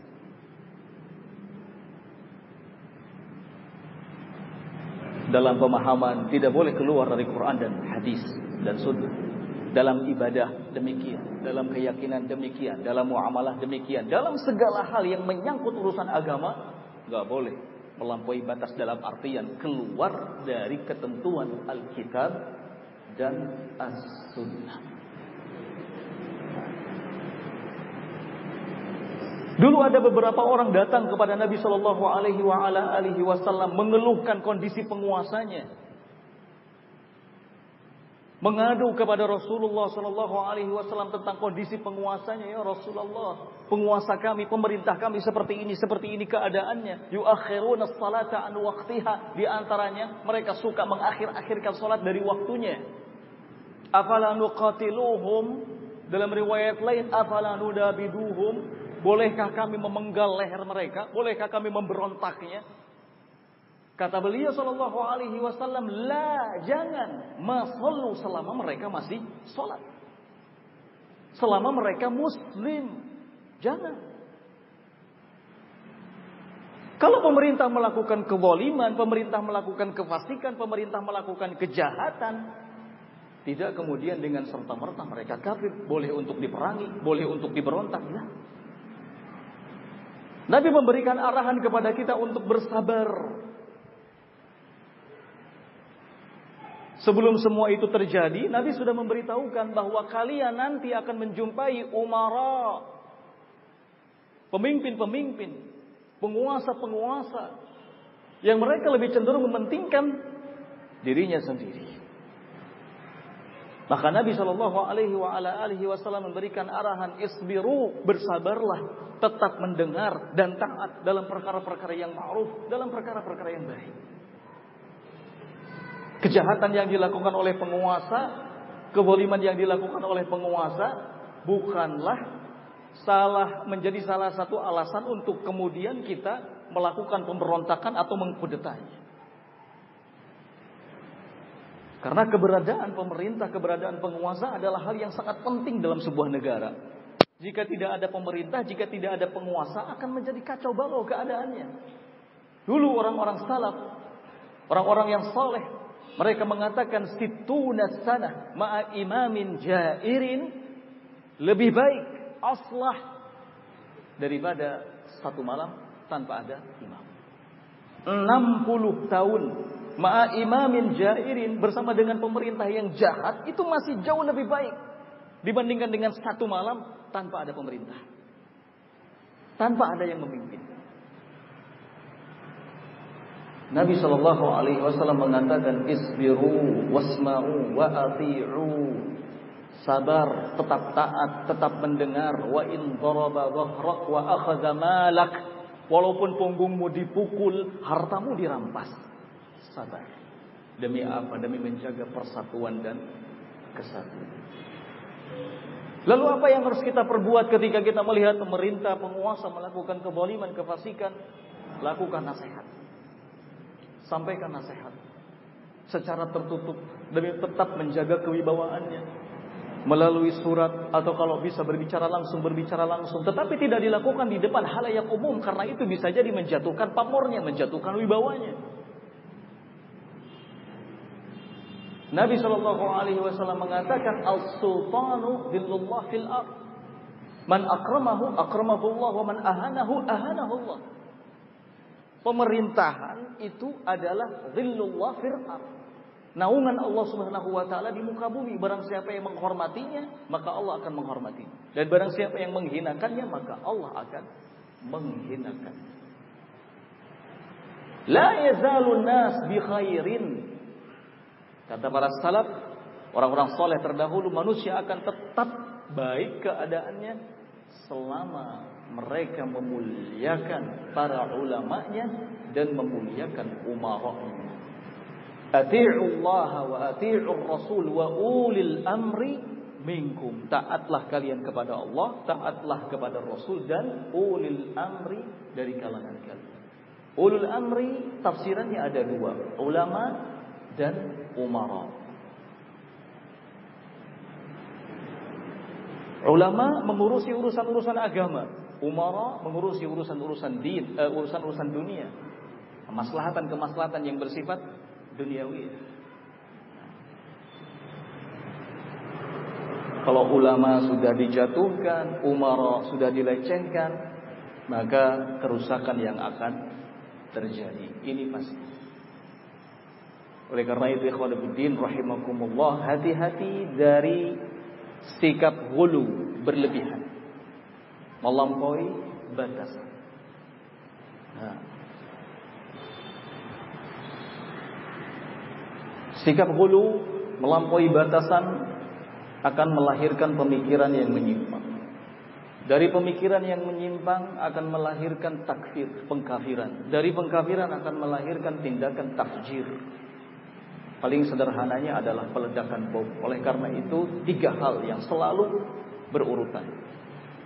Sebelum terjadinya tindakan radikal. Pertama, bermula dari tabkir, pemikiran yang salah, ideologi yang menyimpang. Setelah itu melahirkan takfir, pengkafiran. Takfir, takfir. Berujung kemudian dengan takjir, peledakan bom. Selalu begitu. Kenapa meledakkan bom di tempat-tempat umum? Banyak kaum muslimin yang menjadi korban itu ternyata dilatar belakangi oleh sebuah takfir, ponis kafir, menganggap semua orang kafir.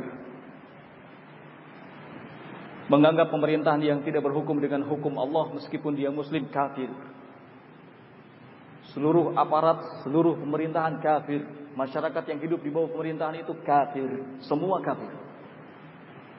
Kalau sudah dianggap kafir berarti halal darahnya. Akhirnya meledakkan bom.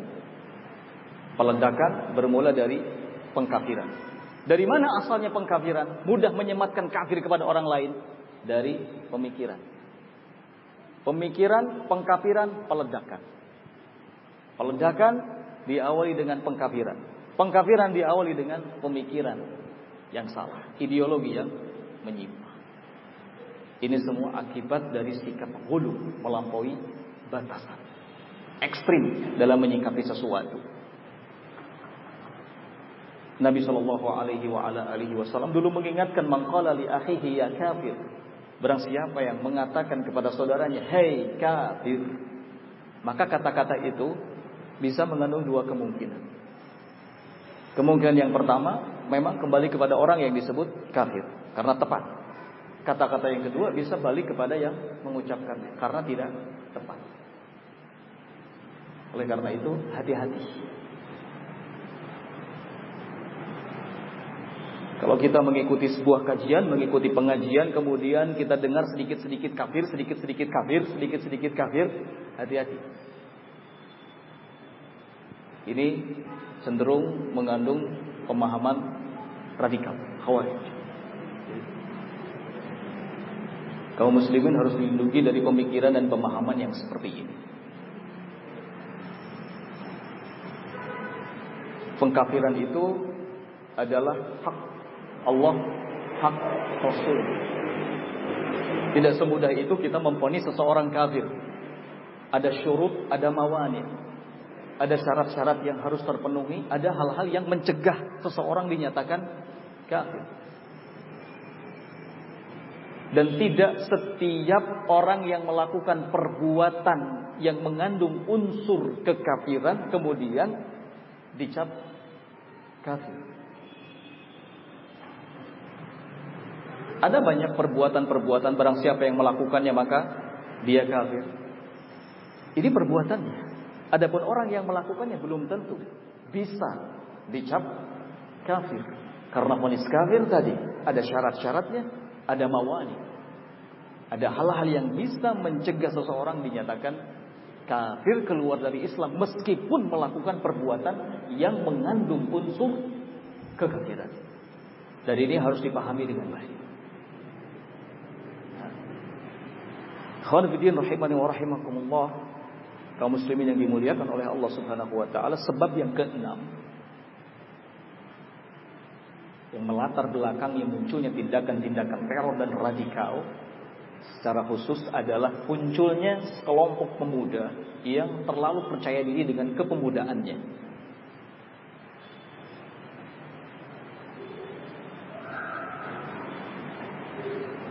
Munculnya sekelompok pemuda yang terlalu percaya diri dengan kepemudaannya. Merasa bangga dengan kepemudaannya. Sehingga menjadikan sesama pemuda sebagai rujukannya.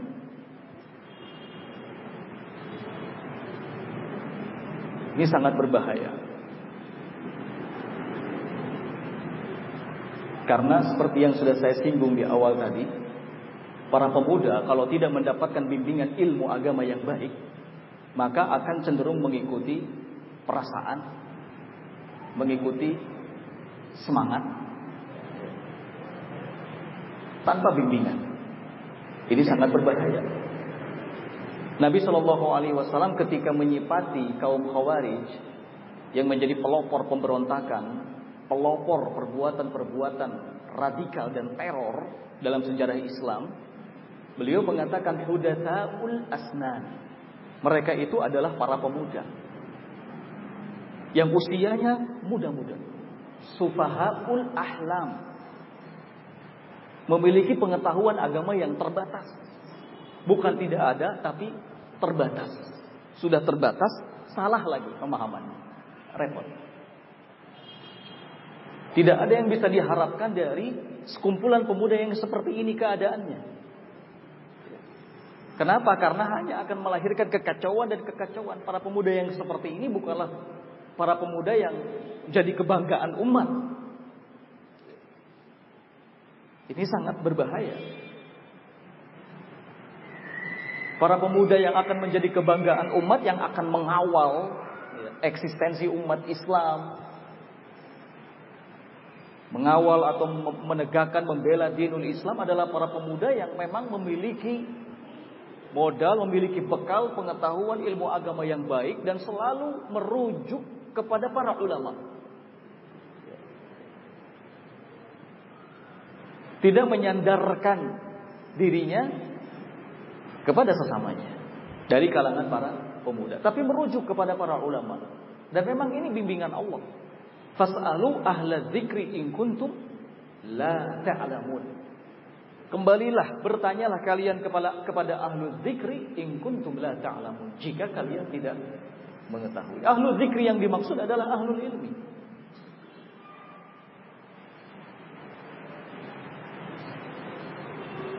Dulu sahabat Ibnu Mas'ud radhiyallahu taala anhu beliau mengatakan la yazalun nas bi khairin ma akhadhu al-ilma an akabirihim wa an umanaihim wa ulamaihim fa idza akhadhuhu an sigharihim wa shirarihim halaku Manusia itu akan tetap dalam keadaan baik selama mereka mau mengambil ilmu agama dari akabirihim, orang-orang besarnya. Dan dari orang-orang yang terpercayanya wa an ulamaihim dan dari para ulamanya. Orang-orang yang besar, orang-orang yang sudah tua, ya, punya pengalaman, bukan hanya tua dari segi dari segi usia, tapi juga tua dari segi ilmu. Fa idza akhadhuhu an sigharihim kalau seandainya mereka mengambil ilmu agama, belajar ilmu agama kepada sigharnya, kepada anak-anak muda, wasyararihim Dan kepada orang-orang yang jahat, yang jelek keadaannya, halaku niscaya mereka akan binasa. Wasiat ini disampaikan oleh sahabat Ibnu Mas'ud radhiyallahu taala dulu. Dan seolah menggambarkan kenyataan yang terjadi di hari ini. Yang notabene para pelaku tindakan radikal dan teror itu dari kalangan anak-anak muda. Belumlah tua usia-usia mereka. Kenapa sampai terjadi? Karena mereka tidak mau belajar ilmu agama yang baik kepada para ulama, kepada orang-orang yang sudah tua. Terlalu bangga, terlalu percaya diri dengan kepemudaannya.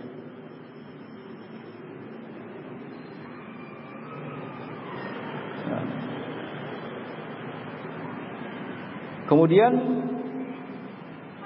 Ibnu Qutaibah rahimahullahu taala beliau juga mengatakan la yazalun nas bi khairin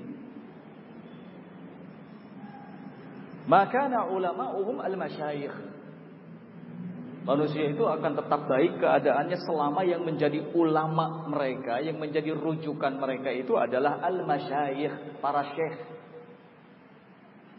Sepuh, tua,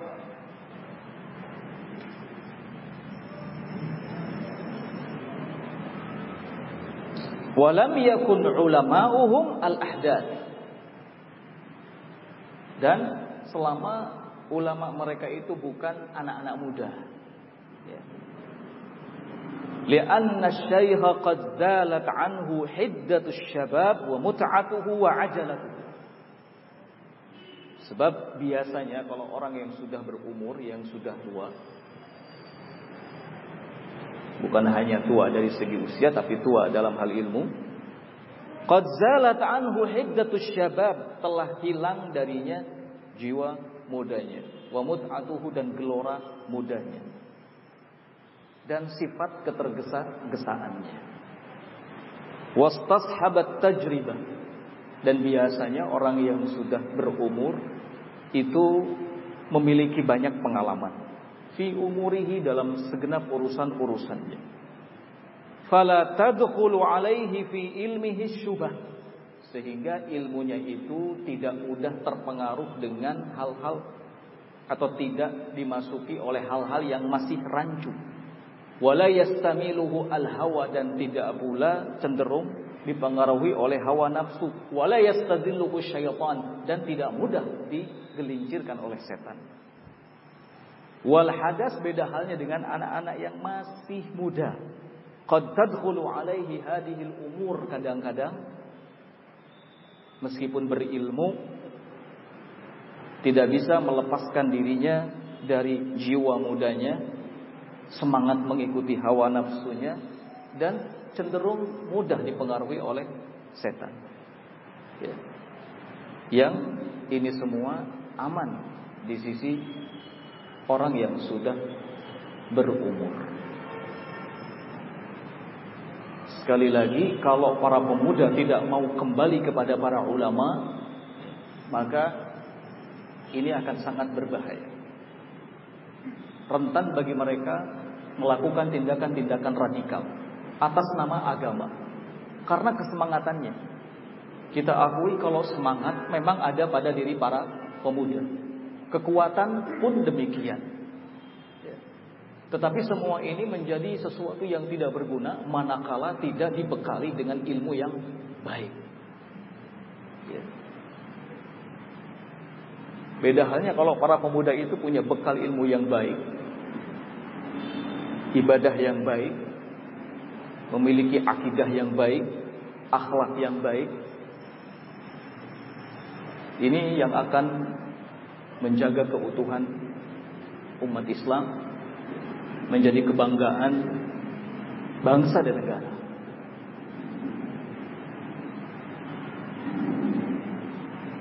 Dan pemuda yang seperti ini dipuji secara khusus oleh Allah Subhanahu wa taala dalam Al-Qur'an, "Innahum fityatun amanu bi rabbihim." Sesungguhnya mereka adalah para pemuda yang beriman kepada Rabbnya. Wazidnahum huda dan kami tambahkan kepada mereka petunjuk. Dan sesungguhnya perhatian Islam terhadap pemuda itu sangat luar biasa.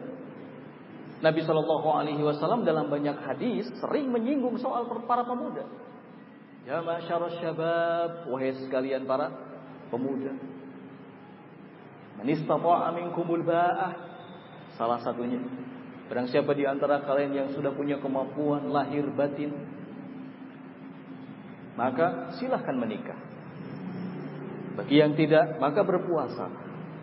Karena sungguhnya puasa dapat menjadi tameng, mengekang syahwat yang menggelora. Banyak Nabi Shallallahu Alaihi Wasallam menyinggung para pemuda, memberikan motivasi kepada para pemuda untuk beramal, menguatkan keimanan dan lain sebagainya. Jadi di dalam Islam sesungguhnya pemuda adalah sosok yang mendapatkan perhatian serius.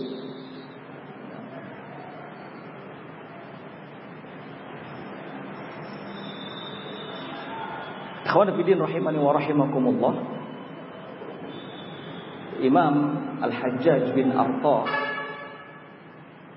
beliau dulu mengatakan kanu yakrahuna an yuhaddith ar-rajul hatta yura asyaiba atau asyaibu fi lihiyatihi.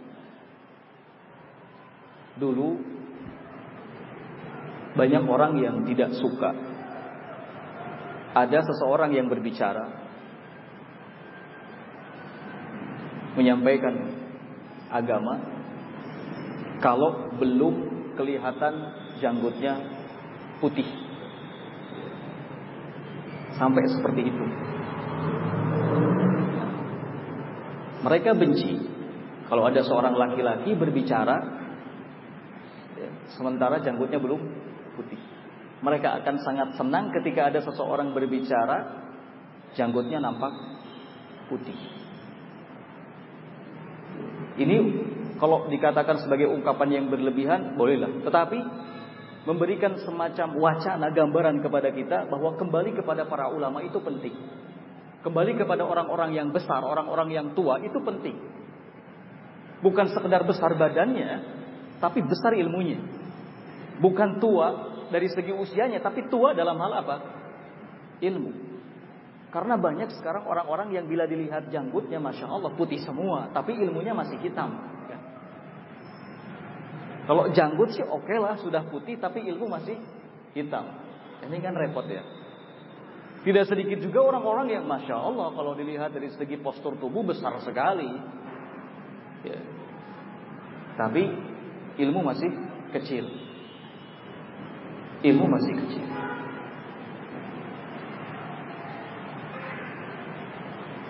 Yang kita harapkan, yang kita mau, dan yang menjadi kebanggaan Islam itu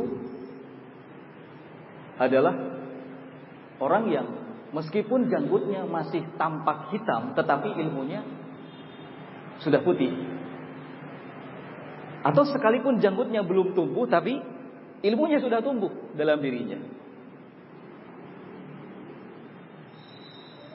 Yang diharapkan oleh Islam itu sekalipun tubuhnya kecil tetapi ilmunya besar. Tidak sedikit para sahabat yang dari segi postur tubuh kecil tetapi luar biasa dalam hal keilmuan, dalam hal keberanian, dalam hal semangat membela agama. Contoh sederhananya adalah sahabat Ibnu Mas'ud yang sempat waktu tersingkap betisnya menjadi cemoohan. Ia disebut sebagai orang yang betisnya kecil, ini menggambarkan bahwa beliau sosoknya memang kurus. Tetapi Nabi SAW mengatakan betis kecil ini kalau ditimbang dengan dua gunung masihlah berat betis ini.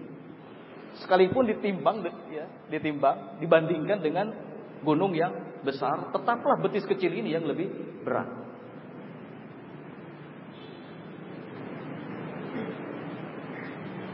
Oleh karena itu dalam Islam yang dilihat itu adalah ilmu.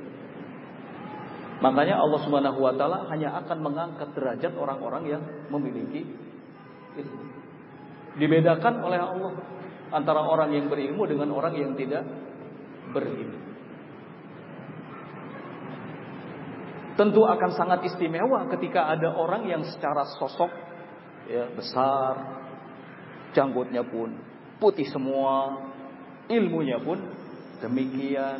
Alim, ulama. Ini yang akan menjadi rujukan. Besar ilmunya. Tua ilmunya. Ini yang jadi rujukan.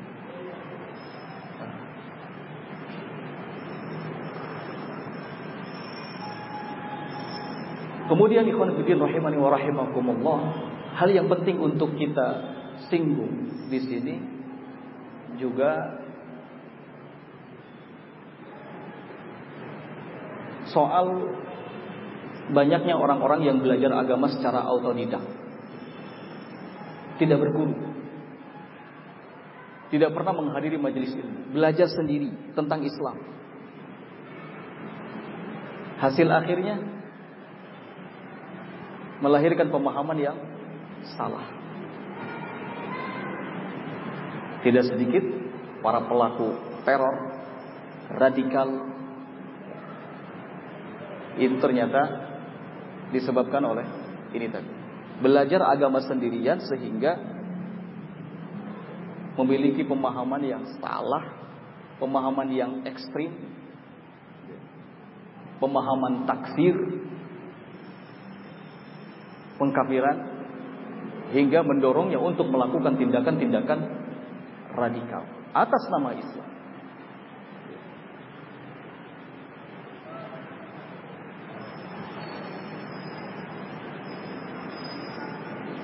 Imam Ash-Shafi'i rahimahullah ta'ala beliau Dulu mengatakan Man tafaqaha min butunil kutub Daya'al ahkam Wa man kana syaykhuhu kitabahu Kana khatauhu aksar min sawabihi.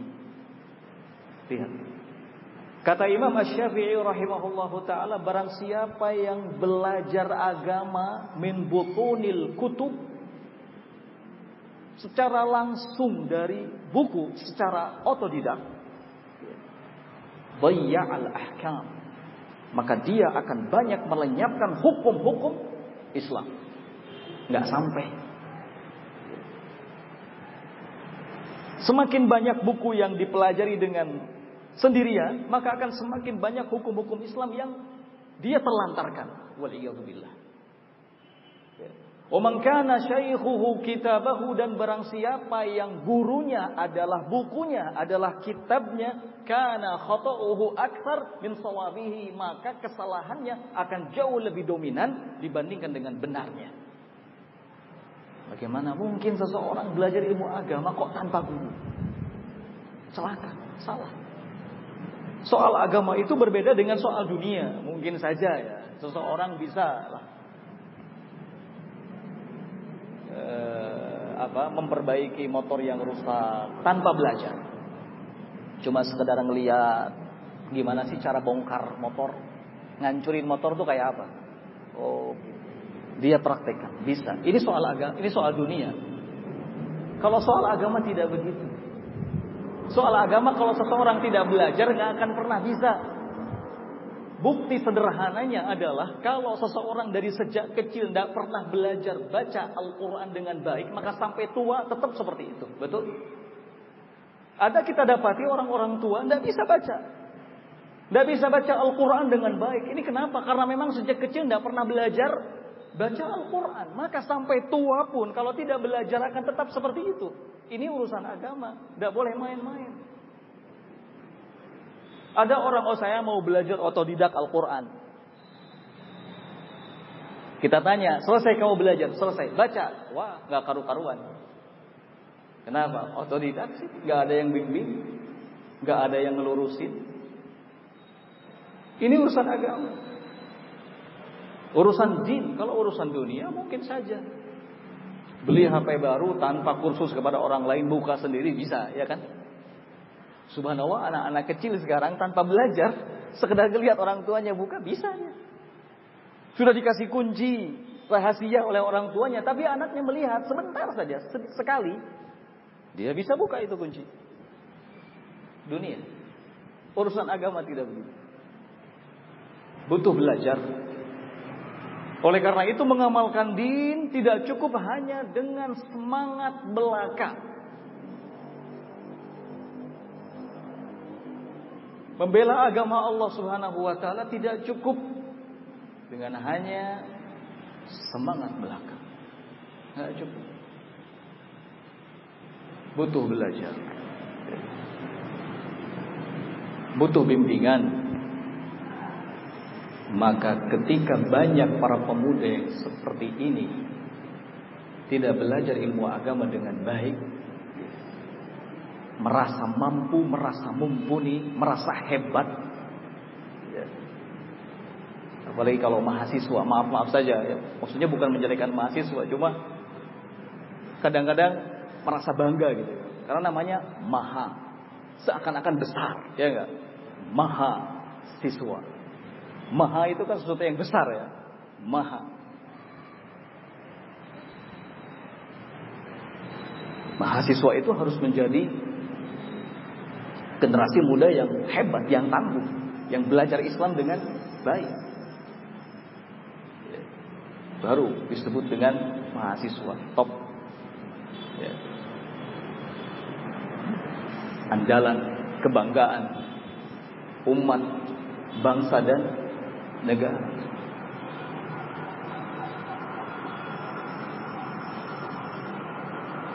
Ikhwan fillah rahimani wa rahimakumullah. Sebab yang terakhir ya, adalah waktu luang.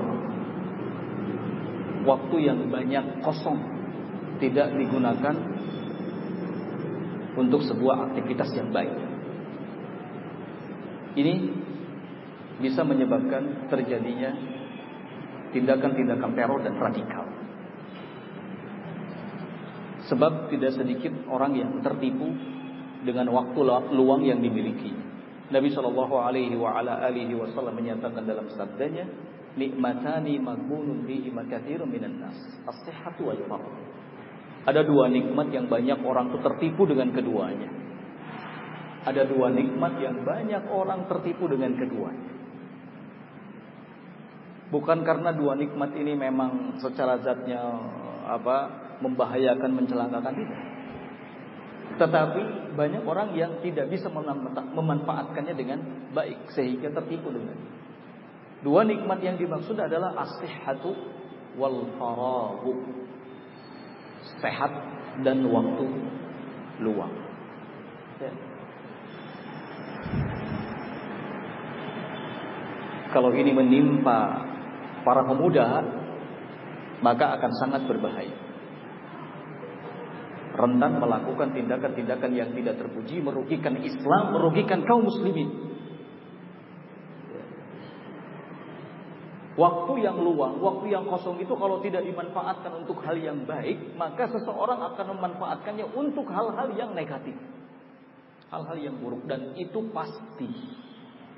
Itu pasti. Kita punya waktu. Hanya ada dua kemungkinan. Kita gunakan waktu itu untuk sesuatu yang baik, positif. Kalau tidak, maka kita akan menggunakannya untuk hal-hal yang negatif, hal-hal yang buruk. Sekali lagi, itu pasti. Masing-masing kita tinggal bertanya. Karena semua kita diberi waktu. Ya. Kalau kita nggak gunakan untuk hal-hal yang baik, pasti kita gunakan untuk hal-hal yang buruk atau paling tidak hal-hal yang sifatnya sia-sia, nggak ada manfaatnya. Dalam Islam kita diperintahkan untuk memanfaatkan waktu dengan baik. Min husni islamil mar'i tarkuhu ma la. Di antara bentuk kebaikan Islam seseorang itu adalah dia meninggalkan hal-hal yang tidak bermanfaat baginya. Para pemuda yang memiliki banyak waktu luang yang kosong, kegiatannya hanya keluyuran di jalan, ini menjadi lahan yang empuk bagi kaum teroris untuk menjaringnya. Ya. Lahan yang empuk karena mereka melihat akan sangat mudah mempengaruhi para pemuda yang seperti itu keadaan. para pemuda yang banyak waktu, kosong, nggak punya bekal ilmu yang baik, itu akan sangat mudah terjaring, terpengaruh oleh pemahaman-pemahaman yang menyesatkan, pemahaman-pemahaman radikal, pemahaman yang selalu mendorong untuk melakukan tindakan-tindakan teror. Oleh karenanya, waktu yang luang, waktu yang kosong ini menjadi, bisa menjadi sebab munculnya tindakan-tindakan radikal. Waktu yang kosong itu kalau tidak dimanfaatkan dengan baik, maka qatilun ia mampu membunuh. Mampu membunuh. Waktu yang kosong itu penyakit yang bisa membinasakan kalau tidak digunakan untuk sesuatu yang positif, sesuatu yang baik. Waktu yang kosong itu mufsidatun lil akal, merusak akal. Beda halnya ketika kita sibuk melakukan satu aktivitas akal tetap terjaga ya. keadaan hati pun akan tetap terjaga ya. semangat untuk terus melakukan amal soleh oleh karena itu dulu dikatakan penyair Arab bahwa al-farag wasyabab mafsadatun sesungguhnya waktu kosong. Wasabab wasyabab dan pemuda waktu kosong dan asyabab waktu muda itu mafsadah sesuatu yang bisa merusak. Dengan kerusakan yang luar biasa. Oleh karena itu manfaatkan waktu yang luang dan manfaatkan waktu muda dengan baik Nabi sallallahu alaihi wasallam mengatakan iktanim khamsan qabla khamsin Gunakan lima kesempatan sebelum datang lima kesempatan yang lain. Salah satunya adalah syababaka qabla haramika. Masa mudamu sebelum datang masa tua. Apa yang bisa diperbuat oleh orang yang sudah tua tidak seperti apa yang bisa diperbuat oleh orang yang masih muda.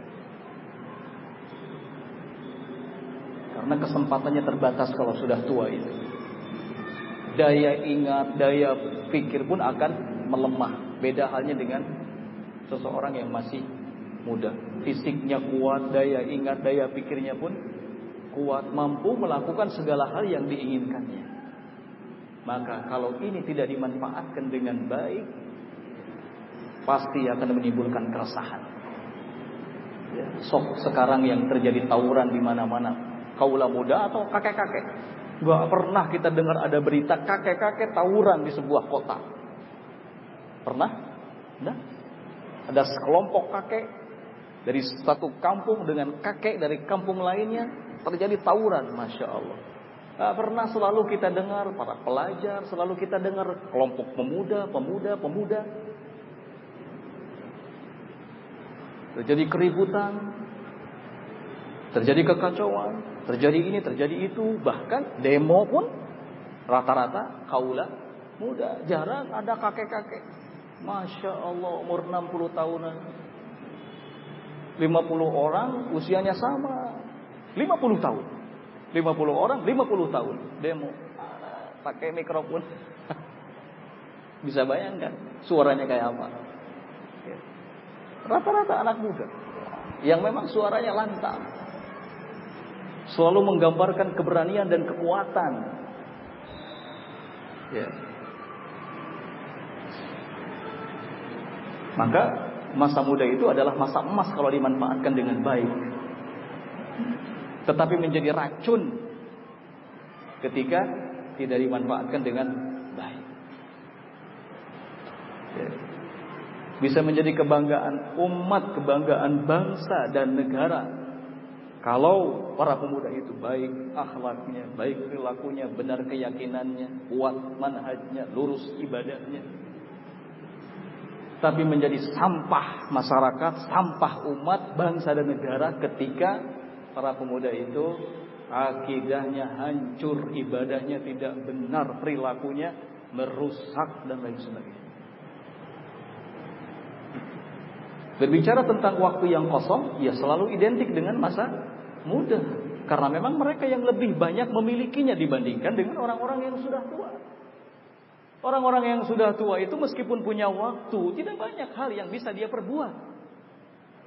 Hanya duduk di kursi, nggak bisa ke mana-mana. Kenapa? Karena stroke. Soal waktu mah iya banyak. Tapi apa daya? Sudah gak bisa berbuat apa-apa. Tidak dengan anak muda. Ya.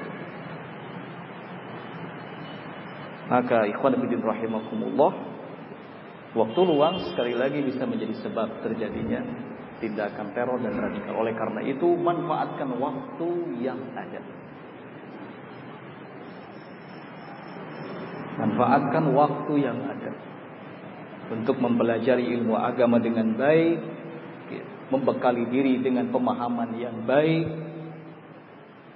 mengamalkan seluruh syariat Islam, laksanakan perintah-perintah Allah, menjauhi larangan-larangannya. Selalu memenuhi majlis-majlis ta'lim, majlis-majlis ilmu. Ini penting. Dengan itu kita bisa terhindar dari ajakan-ajakan untuk melakukan tindakan-tindakan teror, tindakan-tindakan radikal yang mengatasnamakan Islam. Dengan itu pula ya, akan semakin berkurang tindakan-tindakan tersebut. Ketika umat ini bekal ilmunya mumpuni, ya, lurus, baik, maka segala kerusakan itu akan terkikis, akan terkurang. Semoga Allah Subhanahu wa taala senantiasa menunjuki kita semua kepada apa yang dicintai dan diridhoinya dan semoga Allah Subhanahu wa taala menambahkan ilmu yang bermanfaat kepada kita semuanya menganugerahi amal dan e, menguatkan keimanan kita innahu waliyyu dzalika wal qadir alaih. Nampaknya pertemuan pada hari ini saya cukupkan sampai di sini. Kurang lebih mohon maaf. Kesempurnaan hanya milik Allah Subhanahu wa taala. Bila ada kekurangan kekeliruan maka itu semata-mata dari kelemahan dan kebodohan saya pribadi. Mohon untuk dimaafkan dan saya bertobat kepada Allah Subhanahu wa taala atas hal itu. Subhanakallahumma wa bihamdika asyhadu an la ilaha illa anta astaghfiruka wa atubu ilaik. Walhamdulillahi rabbil alamin. Wassalamualaikum warahmatullahi wabarakatuh. Ini tadi ada disampaikan bahwa kajian diakhiri sampai pukul 13.30 termasuk tanya jawab. Berhubung sudah lewat 5 menit, maka berarti tanya jawab pun lewat. Mungkin insya Allah besok ya, semoga besok nah, masih ada waktu untuk kita bahas tanya jawab yang ada sekarang atau pertanyaan-pertanyaan yang masuk ya sekarang. Mudah-mudahan besok bisa kita jawab. Dan semoga tidak melampaui waktu yang ada juga. Kalaupun melampaui ya mohon maaf. Mungkin di lain waktu, lain kesempatan bisa kita berjumpa lagi untuk membahas pertanyaan-pertanyaan ini. Nah. Walhamdulillah.